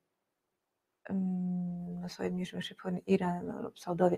E, o tym będziemy rozmawiać jeszcze e, i jeszcze nie tylko e, o, o Chinach, ale także pojawi się kwestia Afganistanu, ale na chwilkę zrobimy przerwę na piosenkę, na muzykę i za chwilkę wracamy. Kawa w kawiarni kosztuje Cię więcej niż miesięczne wsparcie resetu. Prosty wybór, prawda? Wejdź na resetobywatelski.pl i kliknij w Obywateluj z nami. No my w Azja Incognita nie wystawiamy recept, ale stawiamy e, diagnozy. E, dzisiaj diagnozujemy sytuację w Azji Centralnej. Tutaj padło pytanie, które ja miałam zadać e, właściwie po przerwie o wpływie Chin, no bo jednak w mniejszym lub w większym stopniu te e, państwa Azji Centralnej w inicjatywie w inicjatywę Pasa i Szlaku e, Xi Jinpinga, to jego oczko się znajdują. No to jest znacznie bardziej skomplikowane, ponieważ Azja Centralna um, funkcjonuje od, no, trudno powiedzieć dokładnie ile lat, ale mhm. powiedzmy, że przynajmniej 20, e, w sytuacji, w której um, Chiny dogadały się z Rosją, że generalnie sprawy twardego bezpieczeństwa zostaną scedowane na Chiny, mm -hmm. czy na, mhm. na Rosję, -hmm. że tam, jeżeli chodzi o obecność wojskową i tak dalej, to Rosja jakby tutaj rządzi, ale jeżeli chodzi o kwestie gospodarcze, to Chiny mogą rozdawać karty tamże. I teraz dla wszystkich tych krajów, e, znaczy mamy twarde dane za 20 rok, ale trend jest bardzo wyraźny, tym bardziej teraz, jak rosyjska gospodarka nurkuje, że dla wszystkich tych pięciu krajów Chiny są największym partnerem handlowym. Mhm. E, Turkmenistan eksportuje 90 kilka procent swojego gazu wprost do Rosji, gazociągiem, który idzie przez Uzbekistan i Kazachstan. Inicjatywa pasa i szlaku to jest, to jest tylko i wyłącznie kolejny krok. Mhm. Tym bardziej, że gospodarka rosyjska, e, no, można w dużym uproszczeniu, ale nie będzie wielkim przekłamaniem, przekomaniem powiedzieć, że to jest stacja benzynowa, która ma bomby atomowe. To jest grubsza tyle. Rosji, eksport rosyjski to są węglowodory, mhm. nisko przetworzone surowce i trochę broni tak naprawdę. Dużo więcej Rosja nie eksportuje.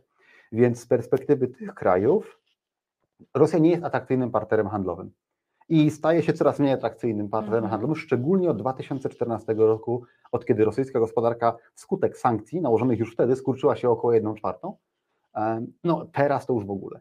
Natomiast Chiny są niezwykle atrakcyjnym partnerem handlowym, bo Chiny biorą od tych krajów każdą ilość surowców, jakie one są w stanie do Chin wywieźć, e, a znowu mogą, można z Chin importować wszystko. Mhm. Dlatego też e, Chiny gwałtownie rosną jeżeli chodzi ich udział w handlu z tymi krajami, gwałtownie rośnie, no i w tej chwili wynosi około z grubsza jednej trzeciej. Także inicjatywa pasa i szlaku, coś to jest kolejny etap, to wcale nie jest najważniejsze. Oczywiście to jest ważne, ale e, to, to nie była żadna rewolucja w tych krajach. Mhm. Czyli Chiny, gdyby Chiny chciały jakoś mocniej poprzeć Rosję, w co ja akurat no, niekoniecznie wierzę, to mogłyby wywrzeć jakąś presję na te, na te kraje, na te pięć? Krajów? Boże, krajów. Chiny. Obserwując politykę Chin, widać jasno, że Chiny są zainteresowane ekspansją gospodarczą. Bardzo. Jeżeli chodzi o twarde środki ekspansji, w sensie armia, to niekoniecznie. Chiny mają w tej chwili, zdaje się, w ogóle trzy bazy wojskowe poza granicami Chin. Jedną w Djibouti do pilnowania rogu Afryki. Tak. I dwie w Tadżykistanie. Tak. E, przy granicy z Afganistanem. E, Chiny nie wydaje mi się, że były zainteresowane zakładania swoich baz wojskowych dużych, nie, bo te bazy w Tadżykistanie to składają amunicję bardziej niż baza wojskowa.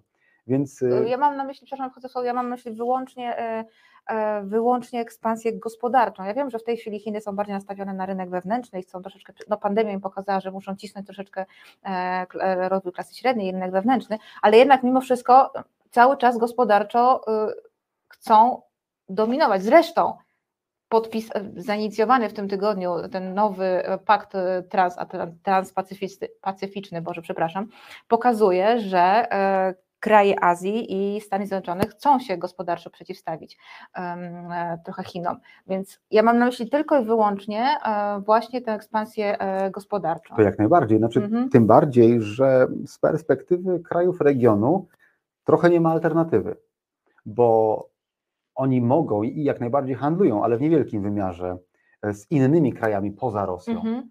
ale oni są tutaj. Na południu mają Afganistan, który jest delikatnie mówiąc niestabilny w tej chwili, oprócz tego jest bardzo, bardzo delikatny. Mają Iran, który jest obłożony taką ilością sankcji, że mhm. handel z Iranem jest y, gospodarczo ryzykowny po prostu. A Nie, no, potem mają maleńkie wyjście przez ten korytarz handlowy przez Morze Kaspijskie do Azerbejdżanu i tak mhm. dalej to jest maleńkie okno na świat zewnętrzny, jaki ma Azja Centralna. Więc z ich punktu widzenia eksport towarów do Chin, handel z Chinami jest mhm. bardzo korzystny. Cały świat handluje z Chinami. Dlaczego oni tego mieli nie robić? To jest raz. Oczywiście. Dwa, że Chiny są bardzo zainteresowane inwestowaniem na miejscu. Oczywiście na model chiński, czyli zbudujemy Wam autostradę w zamian za pożyczkę, którą w chińskim banku.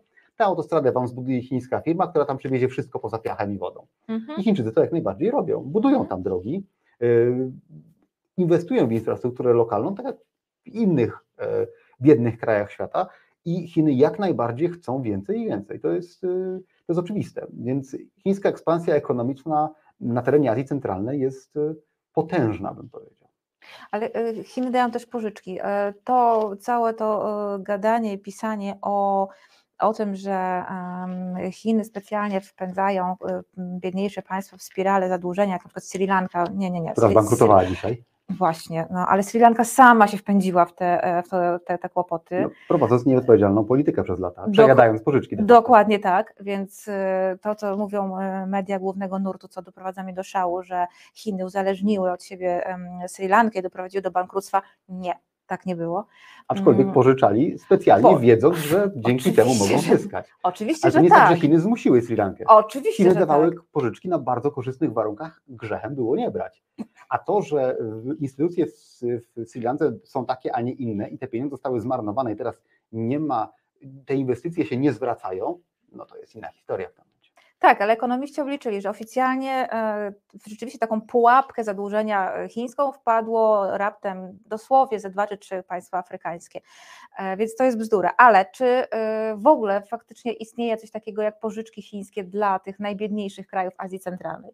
Tak, no Chiny jak najbardziej są zainteresowane pożyczaniem, są zainteresowane szczególnie pożyczaniem w zasadzie właśnie, jak mówiłem, że pożyczcie od nas mhm. i za tą pożyczkę my wam zbudujemy autostradę. Oczywiście, że tak i Chiny to robią. E, bo, oczywiście tak, no po prostu tak, no, ten sam scenariusz. Mhm. Chiny są krajem zbyt wielkim, żeby mieć osobne rozwiązania dla Kirgistanu, osobne dla Tadżykistanu, osobne dla Zambii. Oni mają jeden model biznesowy, pożyczka w zamian za inwestycje infrastrukturalne i to samo, co się działo w Sri Lance, czy w Zambii, czy w Sudanie, dzieje się także w Kirgistanie, czy Tadżykistanie. To jest identyczny model. E, przy czym te kraje nie doszły jeszcze do etapu Sri Lanki, w którym zapożyczają się po uszy, a potem marnotrawią te pieniądze. Ja nie mówię, że te kraje prowadzą super odpowiedzialną politykę fiskalną, tylko chodzi o to, że mhm. to jeszcze nie przybrało tych rozmiarów. A może przybrać? Oczywiście, no, wszystko może się zdarzyć. Natomiast wydaje mi się, że mm, wobec nurkującej gospodarki rosyjskiej i e, tego, że te kraje mają mało alternatywy, to rola gospodarcza Chin w regionie będzie tylko i wyłącznie rosnąć. Mhm. Chyba, że chińska gospodarka, e, która już przejawia pewną słabość, no e, tak. będzie słabnąć na tyle, że to się odbije na ich ekspansji gospodarczej, ale czy tak faktycznie będzie, to musimy zaczekać jeszcze parę miesięcy i zobaczyć, jak te potężne, że tak powiem, lockdowny w chińskich miastach i to, że na redzie przed Szanghajem stoją w tej chwili setki statków, które ich nie można załadować, jak to, spowoduje, jak to oddzia będzie oddziaływać na chińską gospodarkę, która w tej chwili de facto znajduje się już w recesji po raz pierwszy od kilkudziesięciu lat. Po dużym wzroście sprzed e, pandemii. E, to państwo się już pojawiło, e, Afganistan. W, na początku maja, chyba 7, 7 czy 8, nieważne, e, z terenu Afganistanu wystrzelono rakiety w stronę Tadżykistanu. I Uzbekistanu także. I Uzbekistanu także, a to, to słyszałam o Tadżykistanie. Przyznało się do oficjalnie państwo islamskie, Afganistan twierdzi, że to bada, ale czy... Mm, czy możliwe jest, że, e, chociaż to jeżeli mówisz coś o Uzbekistanie, no bo Tadżykistan nie uznawał władzy talibów i to bardzo ostro się sprzeciwiał. Tak Tadżyków jest w Afganistanie bardzo. E, Jedna czwarta ludności. Tak, i są w opozycji do talibów. Tak jest. Talibowie są generalnie ruchem pasztuńskim, tak są postrzegani. No są, post są post tak postrzegani, tak się identyfikują. E, I, no i nie byli w poprzednich, e, za, za poprzedniej kadencji talibów, nie byli wobec Tadżyków, powiedzmy sobie, sympatyczni. Tak, no, Tadżycy pod przewodnictwem Szaha Masuda Dokładnie tak. kontrolowali północ Afganistanu w sojuszu z Uzbekami, którym przewodził pan generał Dostum. No właśnie, i czy teraz, czy ten atak e, mógł być rzeczywiście inspirowany przez Afganistan, który chce w jakiś sposób ukarać te państwa? Bo to bardzo niebezpiecznie Trudno wygląda. jest powiedzieć, bo ani w Uzbekistanie, ani w Tadżykistanie, ani w Afganistanie nie ma na tyle silnych mediów, żeby przeprowadzić śledztwo dziennikarskie. No tak, Natomiast, to jest problem. Y, potęga, można powiedzieć, albo wpływy państwa islamskiego, tej lokalnej wersji mm -hmm. państwa islamskiego Horasanu, y, wynikają z tego, że gdziekolwiek się wydarzyło cokolwiek, albo jakikolwiek zamach terrorystyczny, to oni to zrobili, to się do tego przyznawali. Żeby pokazać, że to też prawda. my jesteśmy odpowiedzialni za całe, czy za wszystkie ataki tak. na, na niewiernych czy innych. Mm, sytuacja jest taka, że oni twierdzą, że te rakiety poleciały, mm -hmm. spadły na terytorium Uzbekistanu, spadły na terytorium Tadżykistanu. Władze tych krajów zaprzeczają wszystkiemu. Oni twierdzą, że nie było ataków. Oni twierdzą, że była strzelanina na granicy i gdzieś tam przypadkiem może coś spadło, ale to wszystko pod kontrolą. Bo te państwa sobie nie mogą pozwolić na to, żeby przyznać przed swoimi obywatelami, że czegokolwiek nie kontrolują. Rozumiem. Y, wydaje mi się, i to jest już spekulacja w tym momencie z mojej strony, że jakieś próby ostrzały na przykład w okolicach miasta Termes, które jest mhm. głównym uzbeckim miastem przy granicy z Afganistanem, prawdopodobnie były. Mhm. Um, ale to jest częścią dynamiki wewnątrz afgańskiej, która polega na tym, że talibowie przejęli władzę w kraju bardzo szybko i bardzo sprawnie, przy czym talibowie nie mają absolutnie żadnych możliwości administrowania tym krajem, bo to jest bojówka. W związku z powyższym oni nie wiedzą, jak tym krajem administrować mhm. i pojawia się niezadowolenie mhm. w Afganistanie. Realną opozycją w tej chwili dla y, talibów w Afganistanie jest tylko państwo islamskie, ponieważ Tadżycy y, pod przewodnictwem Szaha Masuda juniora uciekli i są teraz w Duszanbe, w mhm. stolicy Tadżykistanu. Oni nie mają żadnego wpływu w tej chwili, albo mają bardzo ograniczony wpływ na sytuację wewnątrz Afganistanu.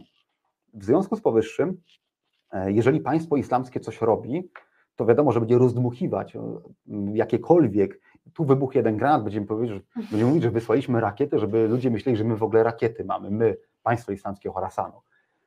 Nie da się tego zweryfikować. Mhm. Fakty są takie, że jakieś wybuchy były, Fakty są takie, że uzbeckie śmigłowce patrolują niebo nad mhm. Afganistanem, mhm. co by sugerowało, że jeżeli wysyłają swoje śmigłowce nad terytorium Afganistanu, to to się dzieje.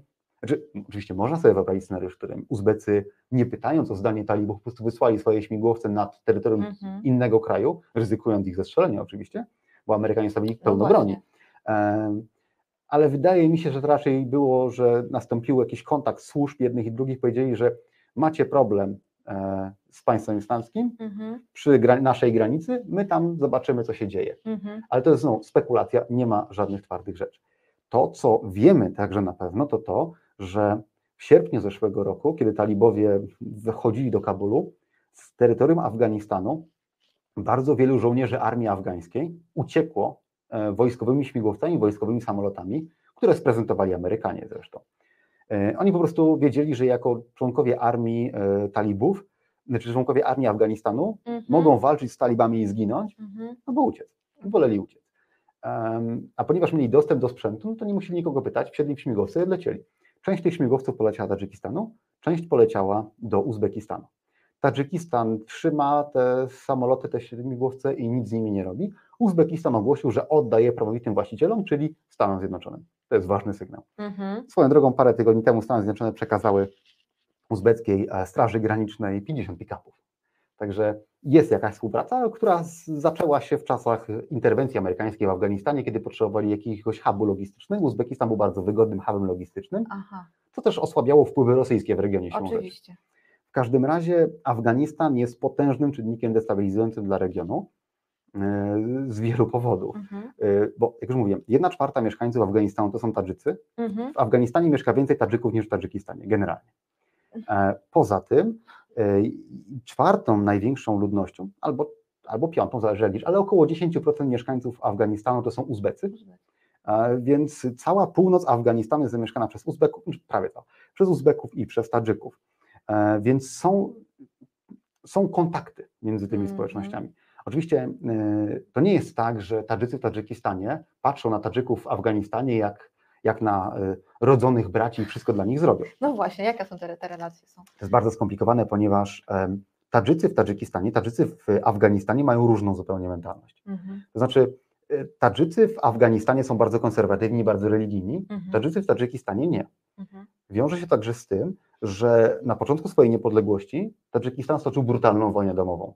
W sensie władzę przejęła nomenklatura partyjna Partii Komunistycznej Tadżykistanu i ona walczyła o władzę z opozycją demokratyczną, z mniejszościami narodowymi z Pamiru, e, ale także z islamistami. Wojna ta skończyła się w ten sposób, że udało się pokonać albo spacyfikować wszystkich poza islamistami, e, którzy ostatecznie zostali pokonani, ale nie całkowicie, więc zostali włączeni jakby do władzy. Znaczy, Ci e, hardkorowi, że tak powiem, islamiści nie. E, ale deal był taki: 70% e, stanowisk ministerialnych w parlamencie tak dalej zostaje przy nomenklaturze partyjnej, 30% trafia do opozycji. To była część dealu, żeby zatrzymać tę wojnę w 1997 mhm. roku. I od tamtej pory Emomali Rahmon, dyktator Tadżykistanu, krok po kroku rozmontowywał ten deal i przejmował pełnię władzy. W międzyczasie wprowadził niezwykle restrykcyjną politykę antyreligijną, mhm. polegającą na tym, że dzieci do 18 roku życia mogą przychodzić do meczetu raz w roku, nie można nosić brody, wszyscy um, duchowni, imamowie muszą być kształceni na lokalnych uniwersytetach, znaczy szkołach koranicznych w Tadżykistanie. Jeżeli ktoś skończył inną szkołę, na przykład w Arabii Saudyjskiej, to nie może e, być oficjalnie imamem w Tadżykistanie. W Tadżykistanie, znaczy, ponieważ jedyna realna opozycja wobec władzy są siły islamskie, podobnie jest też w Uzbekistanie, to są one bardzo mocno zwalczane. Jasne. I władze robią wszystko, żeby państwo było maksymalnie um, no, świeckie, nazwijmy to tak Mhm. w uproszczeniu. Mhm. Oczywiście y, Emam Ali Rahmon mówi dużo o roli islamu e, w życiu i, i, i o tym, że te, to, to jest ważne i tak dalej. Ale bardziej kulturowo rozumiem. Bardziej kulturowo, Mhm. noszenie brody, chodzenie do meczetu, przesadna religijność, to wszystko jest zwalczane, to jest karane po prostu.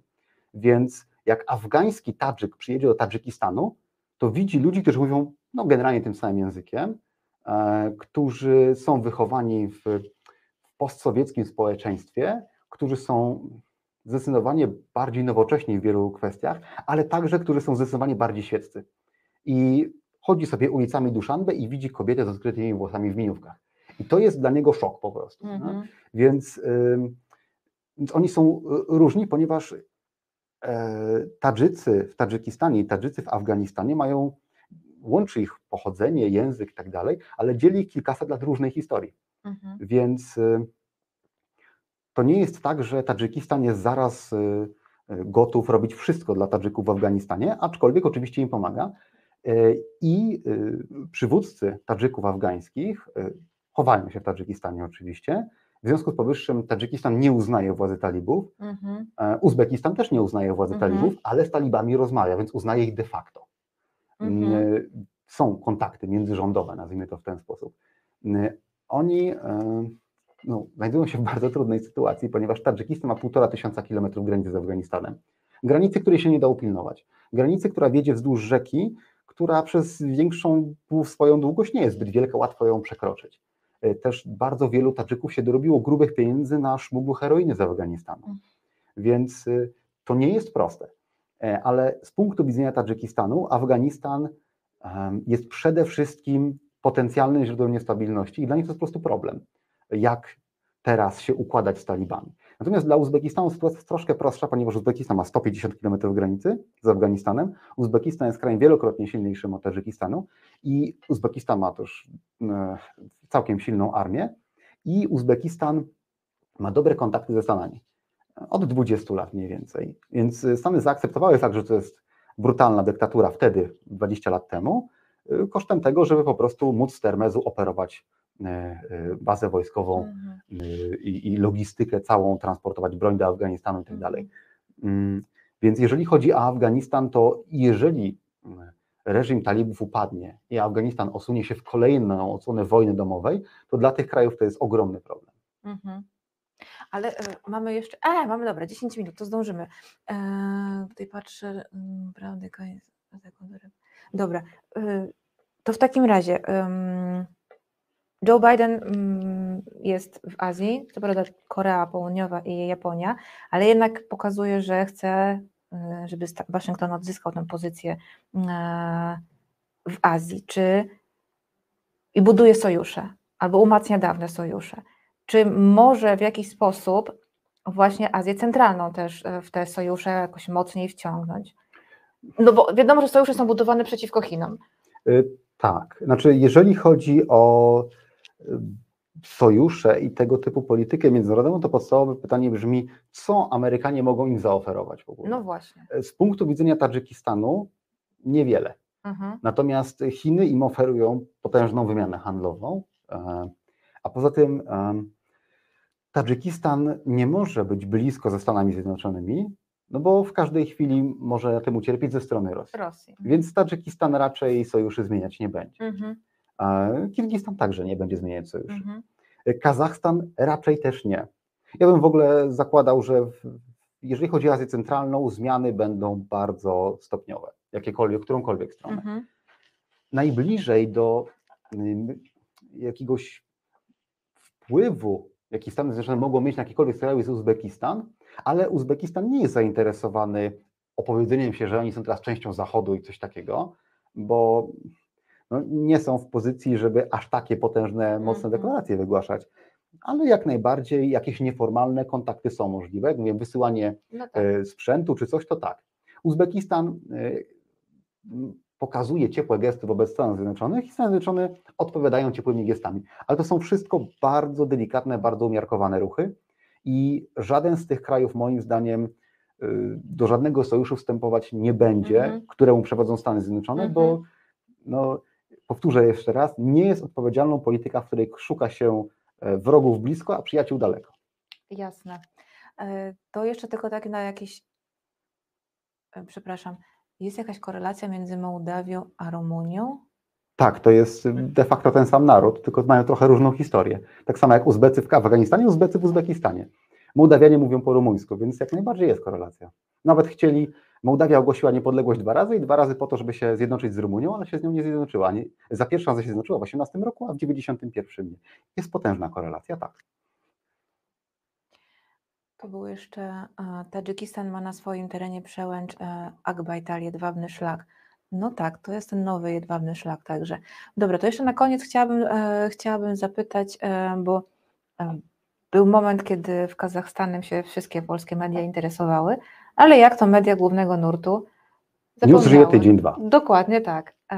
A my nie jesteśmy medią głównego nurtu, więc zapytam, co teraz słychać w Kazachstanie?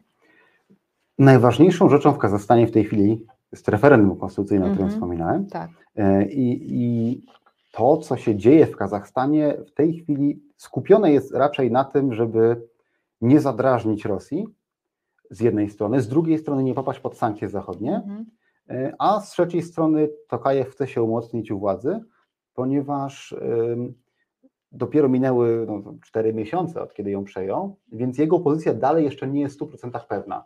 E, on tej władzy oczywiście oddawać nie chce, najpewniej chce umrzeć na stołku e, i on jest skupiony teraz na tym, żeby wysyłać w świat sygnały, że Kazachstan się teraz demokratyzuje, że się modernizuje, że my jesteśmy fajni, e, my z Rosją handlujemy oczywiście, ale my Rosji nie pomagamy.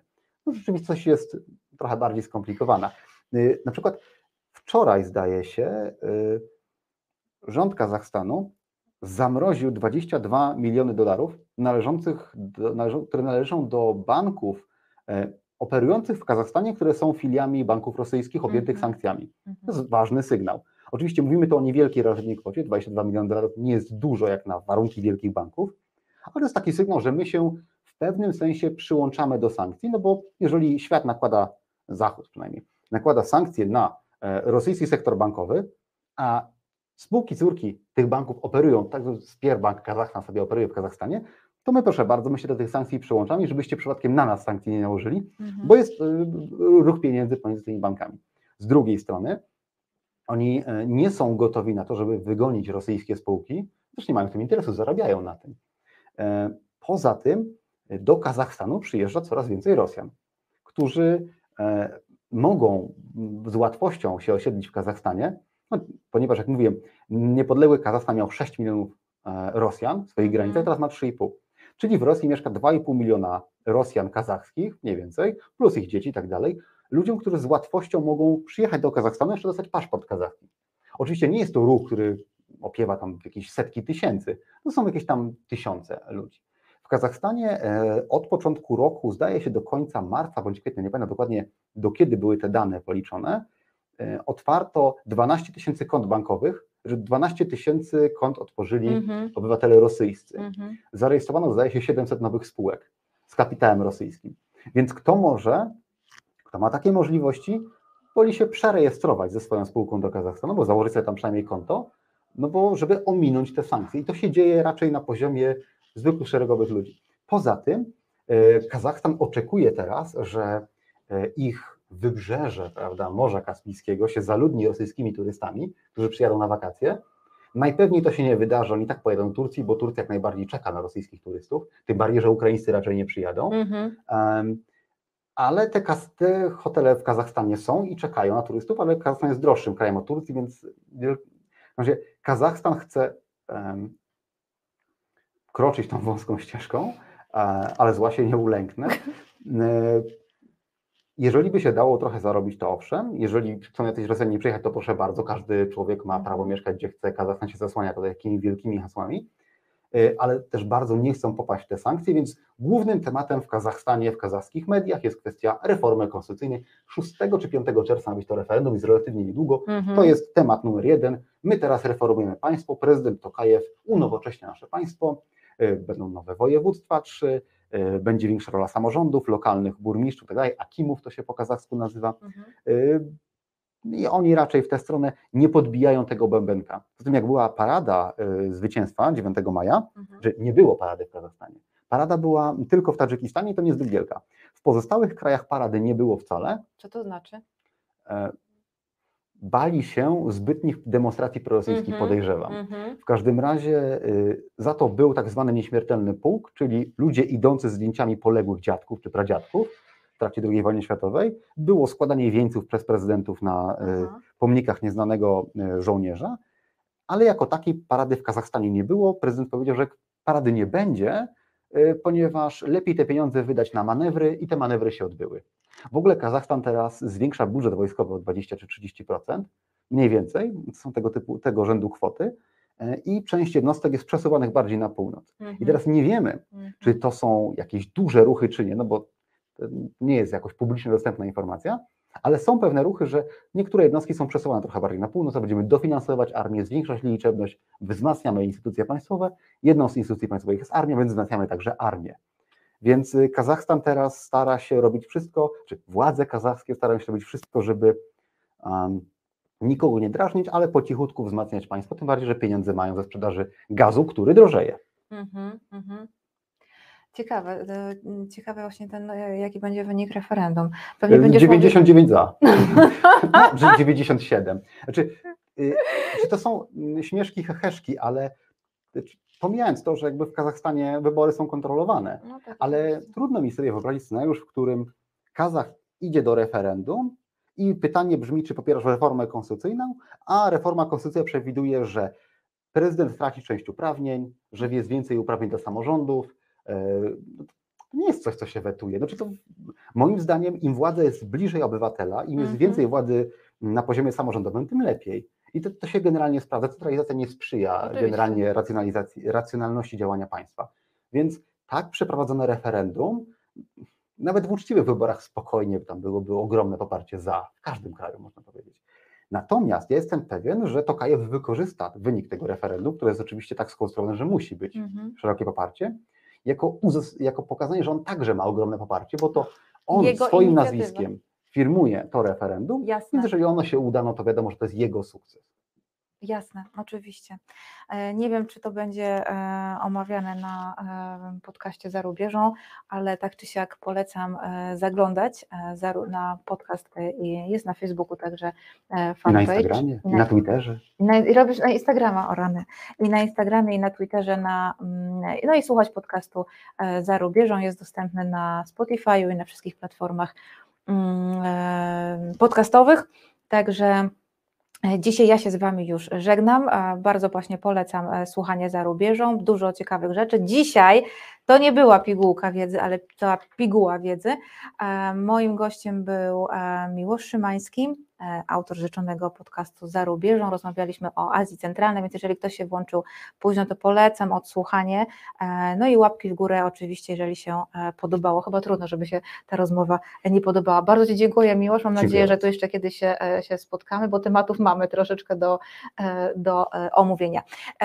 Żegnamy się, bo właśnie przewalam czas, a tam czeka już program porówno.